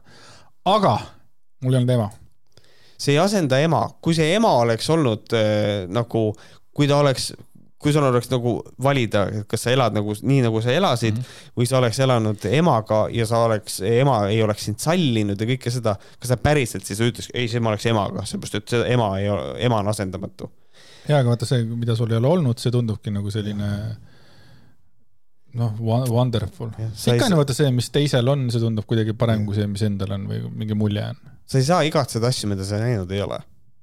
selles mõttes, natukene nagu niisugune mõte tuleb siin, et mitte miski ega mitte keegi ei asenda ema, see on minu isiklik veendumus, millest mul on raske taanduda, isegi kui see tooks mulle kaasa tagantjärgi eh,, tagantjärgi, tagajärgi või süüdistusi homovaenulikkuses. no tore, mulle meeldib alati, kui inimene kaitseb oma seisukohta, et see on minu arvamus.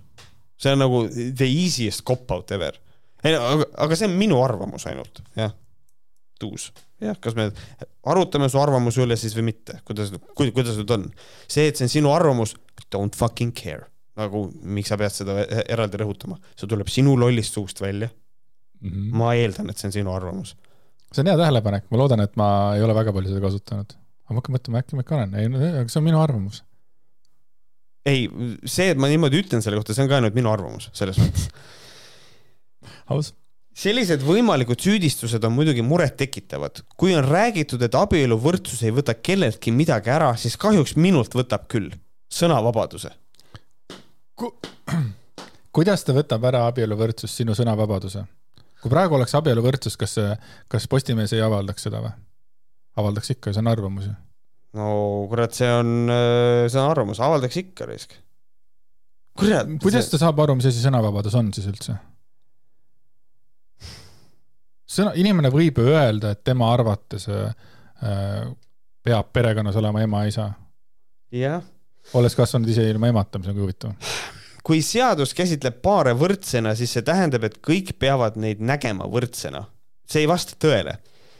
kui, kui seadus käsitleb paare võrdsena, siis see tähendab seda, et seaduse järgi nad on võrdsed.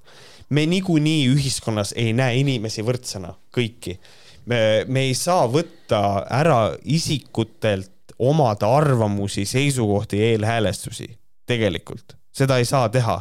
et ma, kui, kui Andresele lihtsalt ütleb, kurat, mulle nagu brünetid, ma ei usalda brünette nagu, siis me ei saa, mis paneb su vangi või? nagu need asjad ei käi niimoodi. et nagu mul on nagu hästi tore, et on emakeeleõpetaja, kes nagu lihtsalt ei tea absoluutselt, noh, ta peab rumal olema, et ta siukest asja kirjutab mm,.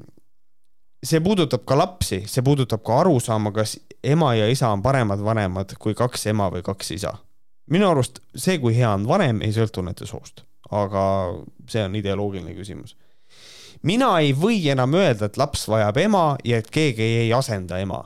võid küll, sest ja sa saad öelda, et aga see on kõigest minu arvamus. see, see jääb sul nagu lihtsalt äh, siit nagu karjub läbi see, et ta ei talu kriitikat. et noh, kui mina ütlen, laps vajab ema, siis keegi ütleb, no tegelikult vaata see ei ole ka päris õige, et noh, meil on näiteid ja siis ütleb oot-oot-oot, aga miks ma ei tohi oma arvamust avaldada? ei, tohid küll mina avaldan ka oma arvamust, sinu arvamuse peale mina arvan niimoodi, ma jagan seda sinuga. et nagu see on see vana hea probleem, vana hea sõnavabaduse probleem, et kui inimene avaldab oma arvamust ja kui keegi ütleb, et no kurat, natukene kritiseerib, siis see on tema arvates kuidagi tsensuur, ei ole, see on teise, teine inimene tegemas täpselt sedasama, mida sina just tegid. ja see on nii müstiline, et sellega on siiamaani vaja nagu tegeleda mm abieluvõrdsus võtab minult õiguse minu veendumustele, jällegi ei võta, aga mis veel hullem, see suukorvistab needsamad lapsed, kes nendes peredes kasvavad. jällegi, ka see ei vasta tõele. mina saan oma lugu rääkida, ma saan oma kogemust emata kasvamisest jagada, keegi ei mõista seda hukka, aga need lapsed ei saa, sest sest neist saavad kogukonna reeturid. see on ränk laste väärkohtlemise viis, kõigepealt võtta neilt ema või isa, siis keelata neil selle üle kurta. et siin nagu ongi nagu see, millest mina nagu aru ei saa, on see, et mis mõttes millest sa raisk räägid, sellepärast et siis on vaja tegeleda selle kogukonnaga, siis kui see probleem on käes, et nagu keegi hakkab nagu lapsi vaigistama, ei luba lastel rääkida. mina leian seda, et kui meil on äh, samasooliste abielu on nüüd go ja siis tuleb, ma ei tea, lapsendamisõigus, mis on eraldi järgnev samm üldse, see abieluvõrdsus ei tähenda, et nüüd on õigus neil lapsi nagu lapsendada, need asjad ei käi niimoodi. aga seda ei nagu vot vahest on niimoodi, et ükskõik kui palju sa sitta vastu seina loobid, see ei jää kinni lihtsalt. et, äh, et lihtsalt nagu ühe korra see võiks nagu inimestele kuidagi nagu selgeks saada, et need asjad ei ole nagu nüüd, kui on samasoolist abielud on, tulevad, siis see ei tähenda, et nii, nüüd nad saavad kohe lapsendada. see asi päris niimoodi ei käi. et äh, siis, kui keegi suukorvistab neid lapsi, see on separate issue, millega tegeleda. ma ei saa aru, kuidas selle peale üldse tulla? ta ütleb, et nagu, et neist saavad kogukonna reeturid aga kuidas sa tuled üldse sellise asja peale? et ma, et laps on, kes kasvab ühesooliste vanemate äh, peres, et tema ei tohi nüüd kurta, sest temast saab reetur. kuidas sa tuled selle peale? ei kujuta ette. ei tohi kurta, laps ei tohi kurta, no ma ei, mina et lapsed kurdavad kogu aeg äh, oma vanemate üle. laste õiguste konventsiooniga liitunud riigid on kokku leppinud, et tagatakse lapse õigus tunda oma vanemaid ja olla nende poolt hooldatud artikkel seitse. artikkel üheksa sätestab, et lapsi ei eraldata vanematest vastu nende tahtmist, välja arvatud siis, kui see toimub lapse huvides erijuhtudel, näiteks kui vanemad kohtavad last julmalt või jätavad ta hooletusse või kui vanemate lahkumineku järel tuleb langetada otsus lapse elukoha suhtes. kui heteropaar abiellub, ma juba näen, kuhu see läheb, ei ole ette kirjutatud, et paari laps hakkab kasvama ainult ühe vanemaga, see on erandolukord, keegi ei planeeri ette lahkuminekut või, või oma laste hooletusse jätmist väga bold statement on see, nagu mitte keegi ei planeeri lahkuminekut ette või laste hooletusse jätmist. Really, okei okay.. samast soost inimeste tulevaste laste saatusesse on see aga sisse kirjutatud, nad saavad kasvama ilma bioloogiliste vanemateta. see ei ole ainult nagu bioloogil-, nagu kas ta saab aru, et lapsendavad ka heteropaarid ja ta ei saa sellest aru, mul on selline tunne, et siin on lihtsalt nagu nii konkreetne ideoloogiline plokk. ja siis, siis on teema see, et seal on ema. siis see, kas see on. see, see, see on nagu... see, et ema on nagunii kõige olulisem. aga ta niikuinii, ta räägib ka bioloogilised vanemad ja, ja, ja, ja, ja kõik see, et see on nagu nii jabur, noh. aga ta räägib jällegi ikkagi ju nagu meeste paarist ju. absoluutselt, ikka. aga kui naiste paar on?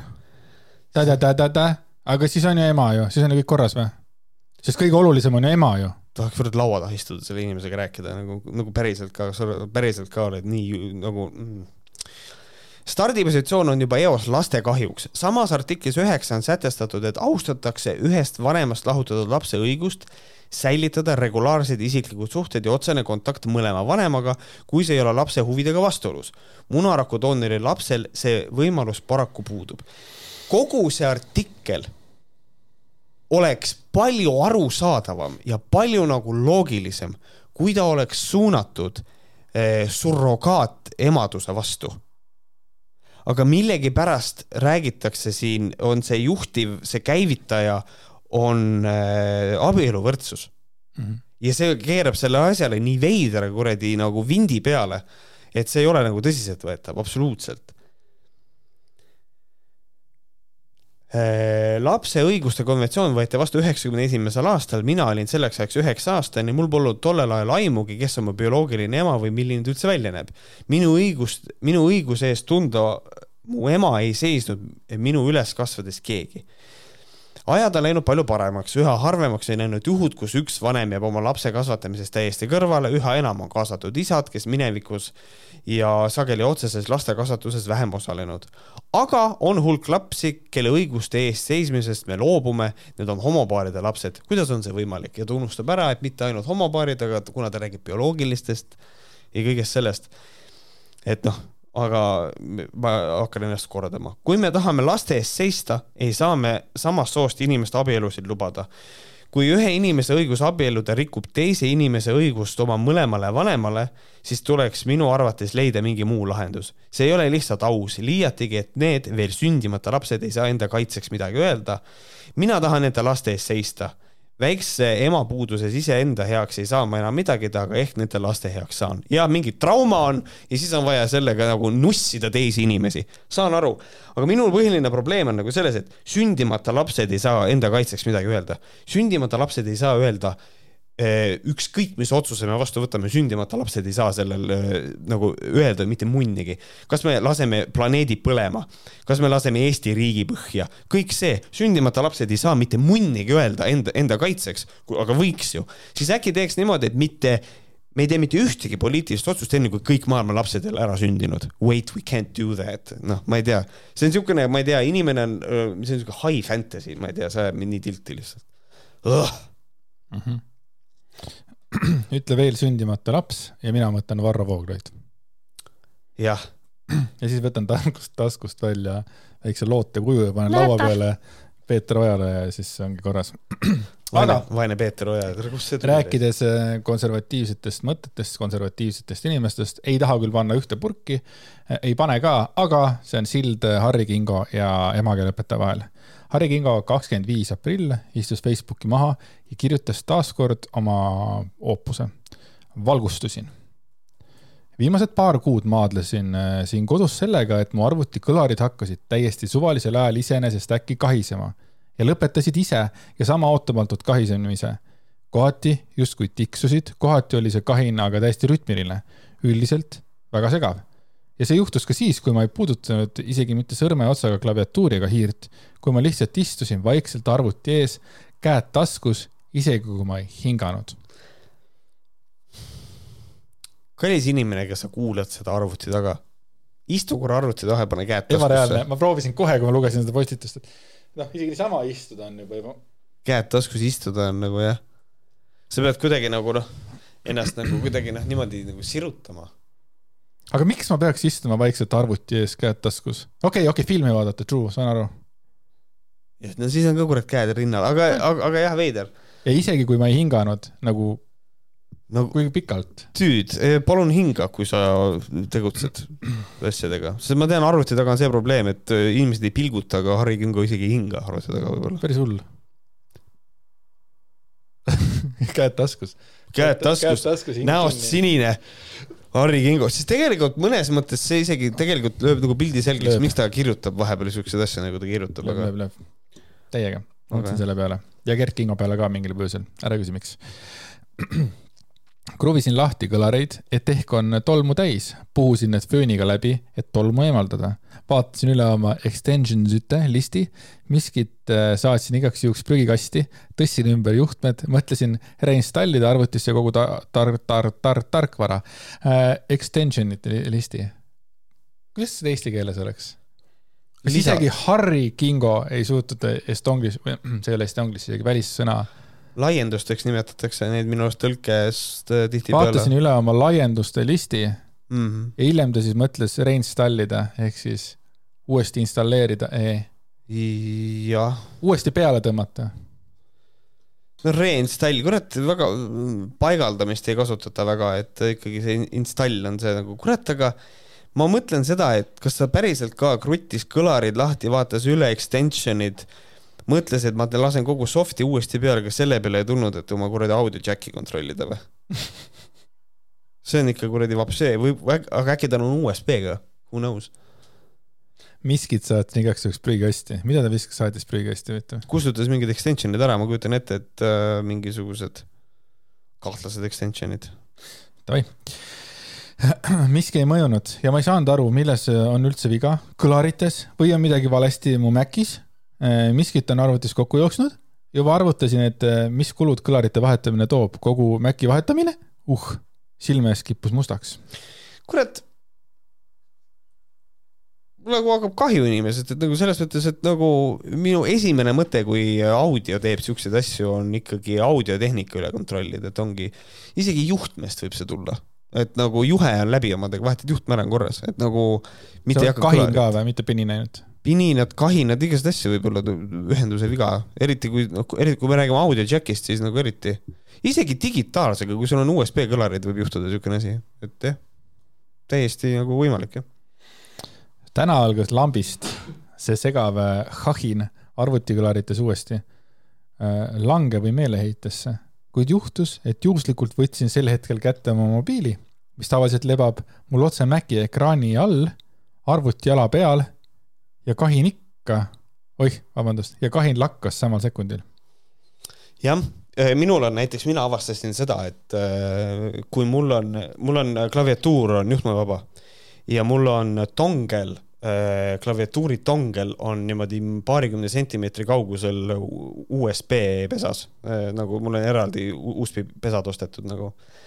ja kui ma panen mobiili vahele, siis mul kaob levi ära aga see on normaalne, sellepärast et seal on äh, sagedused mängivad, et tegelikult tema probleem on täiesti reaalne, et mulle nagu meeldib Harri Kingo puhul see, et ta on pihta saanud nagu päris reaalsele asjale, kus sihukest asja võib juhtuda küll. aga ikkagi ma kontrolliks audiotehnika ka üle, et sul on, võib-olla on see probleem, et sul on audio check väljast nagu väljas kuskilt natukene ja see juba hakkab ruineerima. tere tulemast, te kuulate Tehnikaminuteid Märdiga. jah, siin ma olengi niisiis, ära jagasin, kogu selles jamas oli süüdi mu mobiil selle ühendus Elisaga. Need mobiilid, mis suhtlevad pidevalt igasuguste mastidega ja keskjaamaga, vandenõuteoreetikud, see on nüüd teile. kindlasti ka FSB, CIA, Mossadi, Hiina ja Nigeeria luurevõrguga. just Nigeeria saadab mulle massiliselt meile, püüab mind miljonitega ilmselt ära osta teadagi, nad on kavalad. Mulle meeldib siuke väikene nagu huiab veits mm, -hmm. tore, armas. sellest ka siis need kahinad, mu mobiil edastas kellelegi kas ise või läbi mu arvuti olulist teavet, näiteks, et mul on laual võileib vorstiga pooleli. et võtsin näppu pastaka, et nä näppisin nina, jäin aknast välja vaadates unistama ja nii edasi. hoidke oma mabla arvutist eemal, mul kulus kaks kuud, et valgustuda ja see tarkus teada saada. kaks kuud kannatas pininat ja sahinat ja siis lõpuks sai aru. mulle, kurat, siin taga taustal on ikkagi nagu see, et siin vist natukene on seda, et kurat, et võib-olla kuulavad pealt aga, aga üldiselt on see niisugune, tundub niisugune tore heatujuline postitus. et. ma ei kujuta ette Harri Kingot heatöölisena üldse. Nojah, väga raske on olla heas tujus, kui sa pead arvuti taga istuma, käed taskus, käed, randmed on haiged. sest ma vaatasin siin äh, teatud põhjustel, ma vaatasin meie dokumendi põhja täitsa, täitsa sinna alla. Ja siis ma nagu valgustusin, nähes ja meelde tuletades Harri Kingo postitust äh, emade vastu, kes oma lapsi imetavad, rinnaga imetavad. Ja, ja siis mul nagu valgustusin ja käed läksid rusikasse Harri Kingo peale ja siis ma kuidagi ei kujuta ette, et see mees nagu päriselt äh.... suudab elu nautida või? nojah, noh, okei, Nigeeria nali, okei okay,, cool on ju, aga. no hea küll. noh, seda Harri Kingot küll noh aitäh, Harri Kingo, äh, selle äh, huvitava postituse eest, aga see tuligi nüüd tehnikanõu teistele inimestele ka ikkagi, et koristage oma mobiilid ära äh, või võib segada audiotehnikat või siis. kõige olulisem ikkagi on see, et mis see siis nagu tahad öelda, et kui kahin on, siis kontrolli juhet kõigepealt mm. -hmm. Mina kontrolliks juhet, jah. ja see ei tööta siis?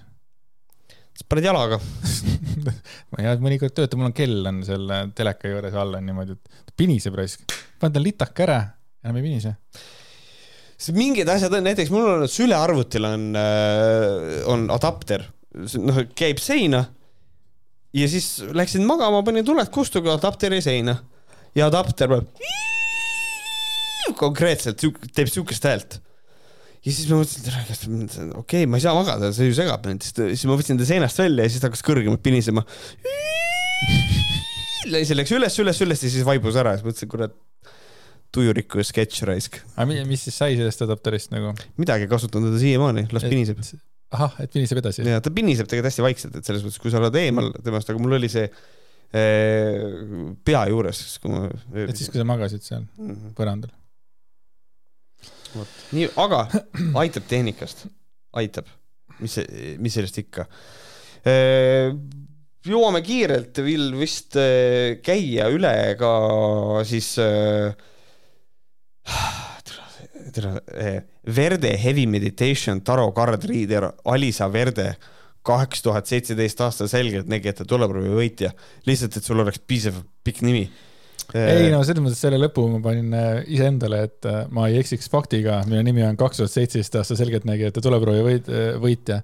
sellepärast, et kui me tegime esimest korda Alisast äh, mida me tegime temast, me tegime temast äh, loo mis asi? kuju tegime temast kuju, seepärast et ta tahtis, et tema äh, liha, mis on tema küljes äh, toidetakse koertele ja muudele puduloojustele. jah, ja siis nüüd räägime siis äh, tema dieedist mm. -hmm. ja tekst on siis, on siis nüüd selline. nüüd ma ei tea, mõni inimene võib-olla tahab nüüd panna kinni juba saate, aga, aga see on selline. miks nii külm ja kevad ei tule? sest sa peidad rasvarulle suurte kampsunite all ja ei julge hakata lahti riietuma. kes julgeb, tubli. kes ei julge, tahab alla võtta, welcome. Ise läbin praegu uuesti enda kuuri, kuna vastakuklid ja sünnipäevatordid on lisandunud, on lisanud paar kutsumata kilogrammi. kõigi aastate jooksul olen ära proovinud kõik dieedid vererühmadieedi, Jaapani Atkinsi vedeldieet, monodieedid, kalorite lugemine, toortoit, rasvavaba, suhkruvaba ja soolavaba dieet, lõpmatu vee joomine, kuni upud oma kuse sisse. ma ei, ma ei ootaks nagu millimeetritki vähem Alisa kirjutisest. see, see tekst on niigi liiga leebe, aga see, et lõpmatu vee joomine äh, paneb uppuma sind oma kuse sisse. On... palun ära muutu Never change tõesti. ma poleks kunagi uskunud, et minu söömishäired jätavad mind rahule, et üks päev saan ma lõpuks aru, kuidas alla võtta nii palju kilosid kui tarvis, ilma et nad kohe tagasi tuleks. viimase aasta jooksul võtsin alla rohkem kui kümme kilo ja enam ei karda, et nad kohe tulevad tagasi. Hetkel kaalun viiskümmend kuus kilo ja olen sellega väga rahul ma pakun sulle mitte nii-öelda dieeti, vaid toitumissüsteemi ja kindlat viisi olla terve ja sale dieedi ajal kaotad sa just rasva, mitte ainult vedelikku ja sitta. sa imestad, kui kiiresti hakkad sulama. ainult rasva kaotad, muidu kas ta kohe siis nagu tema loogika järgi rasva kaotama või? siis tavaliselt ikka kaotatakse nagu kõigepealt kõike muud. Ma mõtlen seda, et vedelikku ja sitta, et noh, ma mõtlen seda, et kas nagu sitta kui organismist igasugust sitta või ta mõtleb sitta alguses nimetan sulle fakte ja reegleid, millel baseerub esialgne dieet, mida järgid järgmised kümme nädalat. peale seda on su maitsed ja toidueelistused muutunud, sa näed, kuidas asi toimib ja edaspidi valid ise, kas võtta kaalust juurde ja minna tagasi vanade harjumuste juurde või jätkata selle toitumissüsteemiga, mida ma sulle pakun ei mingit nälgimist ja nõrkust, kõik toiduained on taskukohased ja kergesti leitavad. lisasin sinu jaoks ka maitsvaid ja lihtsaid retsepte ja ka pildid toiduainetest, mida ise eelistan. tee kingitus endale või oma lähedastele armastavale rasvarullile. tervis on kõige tähtsam investeering. ja nüüd te mõtlete, nii, hea küll, mis see siis on? tellimiseks kirjuta mulle sõnumitesse või meilile alisa.ushla.gmail.com. kogu moos maksab kolmkümmend viis eurot. naljakas, et ta kasutab sõna moos siin. et huvitav, kas moosi võib ka süüa. ta üritab ühesõnaga... ta üritab rasvarullidele pähe määrida stuff'i. jah, et ühesõnaga tegu on ikkagi sellega, et äh, buy my shit, et lõppkokkuvõttes jõuame sinna. jaa, aga ma olen nagu veits nagu tema kohta siin uurinud veits teatud põhjustel jälle siis ta on selles mõttes tegelane, et ta on ise kirjutanud ka, et, et noh, ta võiks olla ju nagu iga kuu põhimõtteliselt raamatu välja anda või ma ei mäleta, mis yeah. see number oli ja kõike, mida iganes, on ju, aga ta ei tee seda ja tema jaoks ei ole see oluline. aga mis minu jaoks oli üllatav, oli see, et ta, tema oli siin mõni aeg tagasi Ants Roostuse kohta sõna võtnud. ta oli pahanenud Ants Roostuse kohta pe peale uh. ja, ja täiesti normaalne ka, miks, sellepärast et ma ei leia praegu seda üles, nagu ikka, asju ei leita üles, kui vaja rääkida nendest. Ants Rooston oli käinud siin mingi äkki mingi aasta-paar tagasi Puuduta mind saates Anu Saagimi juures. ja siis Anu Saagim, kui Alissa arvates sõber ja ma ei tea, olid seal mingi sõbrad olnud, siis kõigepealt Anu Saagimil ei tulnud ta nimi meelde ja mingi äh, kuidagi rääkisid selle, siis Ants Rootson oli visanud nalja, et äh, tema nagu vaimsete häirete üle seal äh, Puuduta mind saates. okay.. mul, holy shit, Ants Rootslane on ka fucking kius või? ja ma nägin tema, seal oli see ilusasti Alissa oli jaganud seda Youtube'i linki ka täpselt sellest kohast nagu, kus käima pani siis Ants Rootslane seal viskas nalja Alissa üle nagu. tegelikult ka nagu, on nagu mingid asjad, on nagu mingid asjad, mille üle nalja ei tehta, eks ole, noh. noh, välimus on üks asi, aga nagu vaimsed fucking äh, probleemid on nagu ka, ei ole okei okay., sest noh yeah., sest noh, Alissa on ise kirjutanud, vaata, et tal on nagu kõik, kõik, kõik elus juhtunud, mis on olnud, vaata, me kunagi lugesime ette, et yeah lihtsalt, et äh, inetu. ega inimene naljalt ka ei leia, et andke mu lihakoertele, et on jah, see on niisugune nukker, nuk-, nukker värk natukene. aga mis nii palju ikka. siis, aga siin ongi, näete, nüüd te teate, kuidas äh, või, või tähendab, te ei tea, kuidas süüa, aga teate, kust abi saab. kolmkümmend viis euri kõigest. oota, kas ta ütleb tasu ka või? jaa, ta ütleb, maksab kolmkümmend viis. You know what? Mad props, ta ütleb, et maksab kolmkümmend viis, mitte ei räägi mingist energiapanusest või millestki sellisest. Väga hea, mulle meeldib. kui ma juba siin olen siin, siis on niimoodi, et äh, üks postitus mõni aeg tagasi, mis ta kirjutas. miks ma esinen nii harva teles ja üldse meedias, sest mul pole piisavalt närvi säilitada viisakus, kui ajakirjanik teeb oma tööd sitasti või lausa meelega sitasti. kui ma ütlen munn, siis see tähendab munni. aga ajakirjanik kuulab selle asemel midagi muud. ja, ja nii edasi, et nagu see on nagu, see on, aa, see Jesus nüüd Christ. oligi see, et äh, ma mõtlesin kaua, kas kommenteerida seda järjekordset äh, minisigadust või mitte, aga ma siiski arvan, et see on hea näide sellest, mis pidevalt toimub meediasfääris. Anu Saagim on mind mitmeid kordi in- intervjueerinud ja ma olen osalenud tema videotes. me käisime koos üritustel ja suhtlesime erinevates seltskondades. Eelmisel aastal käisin teda õnnitlemas sünnipäeval, teinekord kinkisin talle enda tehtud portree, mille valmistamiseks ka kulus mitu päeva. mul oli hea arvamus temast kui professionaalist ja tugevast naisest. Anu teeb veebis saatesarja Puuduta mind. selle saate kontseptsioon mulle ei meeldi ja erilist huvi ei paku. siiski eelmisel aastal ma osalesin selles, kuna Anu palus mind ja sõpradele ma ei ütle ei. mõned päevad tagasi saadeti mulle link selle saate järjekordsele osale. Anu intervjueeris seal mingit, mingit tantsu kes tasakesi irvitades minu üle lamedat nalja viskas. mind üllatas see, et Anuga juhtus amneesia. võib-olla see on üks varasest dementsuse märkidest Uh. nimelt juhtus nii, et Anu unustas mu nime. Õnneks sai kolme peale see mõnus kamp siiski hakkama ning tuli meelde, et minu nimi on Alisa. võiks jääda Nastjaks, ma ei solvuks. seejärel naeris Anu lustakalt koos kaassaatejuhiga noormehe nalja üle, et Alisa vedeleb pidevalt vaimuhaiglates. edasi oli veel pa paar ilusat hetke, võite vaadata, lisasin lingi. Algusest peale pole mõtet vaadata, seal pole midagi huvitavat. selles mõttes, et, võtke endale ämber, kuhu oksendada, võib vaja minna. vot, et nagu hästi ebamugav on seda öelda, aga, aga kustkohast ta võtab, et Anu ta sõber on üldse olnud, nagu see on ikka ka nagu, ma ei tea, millest ta seda järeldab. et võiks ka nagu natukene nagu realistlikumalt suhtuda sellesse asja. jah, ei noh, see selleks. Ta väljendas ennast nii, nagu ta jälle väljendama pidi ja, ja mingi Ants on minu arvates päris hea. mingi Ants Reisk, jah, see on tore. see on väga tore. et äh, ka nõiad, selgeltnägijad, terapeudid, ka nemad tülitsevad. jah, mingis mõttes on seda nagu tore näha, et nagu ka nende seas on hõõrumisi ja asju, et muidu see jätab kõik vaata sellise ühtse mingi pande mulje, kus nad seal kulissi taga lepivad omavahel kokku, kes kui palju raha küsib ja toetame üksteist ja suuname üksteise juurde ja kõik see on nagu siuke, sellel on siukene vibe tahes-tahtmata. aga noh, tegelikult see on tohutu platvorm tegelikult, kui sa võidad ära Eesti selgeltnägijate tuleproovi jah, ja siis sa otsustad põhimõtteliselt äh, pakki näidata kõigile. jah, kui ma ütlen munn, siis see tähendab munni. jah, just. et äh, munn tähendab munni. ma olen täitsa nõus sellega. Kas munn võib ka vahepeal midagi muud tähendada? see on, see on, see on hea tagline. see võiks olla Alisa mingisuguse filmi, mis ta teeb või mingisuguse siukse see munn tähendab munni plakati peal. seal, see oleks väga tore. aga eh, see on nüüd see koht, kus me tõmbame saatele joone alla ja teie saate joone alla tõmmata meile. ma ei ma ei tea, kuhu ma sellega minna tahtsin. Et meil kirjutage on, meie nimed paberile ja tõmmake Kirjut- lihtsalt joon alla. tõmmake jooned alla. Ja siis, kui te olete selle ära teinud, minge siuksele huvitavale veebisaidile nagu, nagu patreon.com kaldkriips vohkarid. ja te avastate, et tegelikult on võimalik äh, ka meie lisasaateid vaadata. üle poole saja saate on seal, mida ei ole tegelikult äh, niinimetatud tavakuulaja, kuigi keegi meist ei ole tavaline, et niinimetatud tavakuulajana, kes ei ole tavakuulaja, kes ei ole Patreoni liige, nagu ei ole kuulnud, üle viiekümne saate, ebareaalne. jah, et minge vaadake meie Patreoni, see ei ole kohustuslik loomulikult, kui te tõesti tunnete, et ei, no siis ei ole vaja.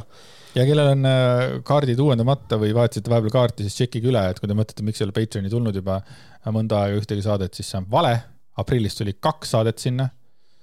seega teil on lihtsalt uuendamata kaardiandmed.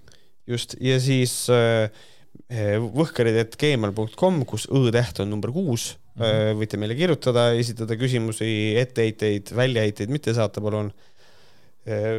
oleme, oleme olemas, saate meiega kontakti võtta, kui on vaja midagi küsida või mida iganes, et eksisteerime. aga oli tore jälle siin näost näkku saadet teha Andresega. ma arvan, et järgmine kord tuleb võib-olla isegi varem, kui me arvatagi oskame. Aga minu graafik muutub kogu aeg. nii et äh, aitäh kõigile kuulajatele, kõigile vaatajatele ja meie poolt äh, tšau ja kohtume järgmine kord. tšau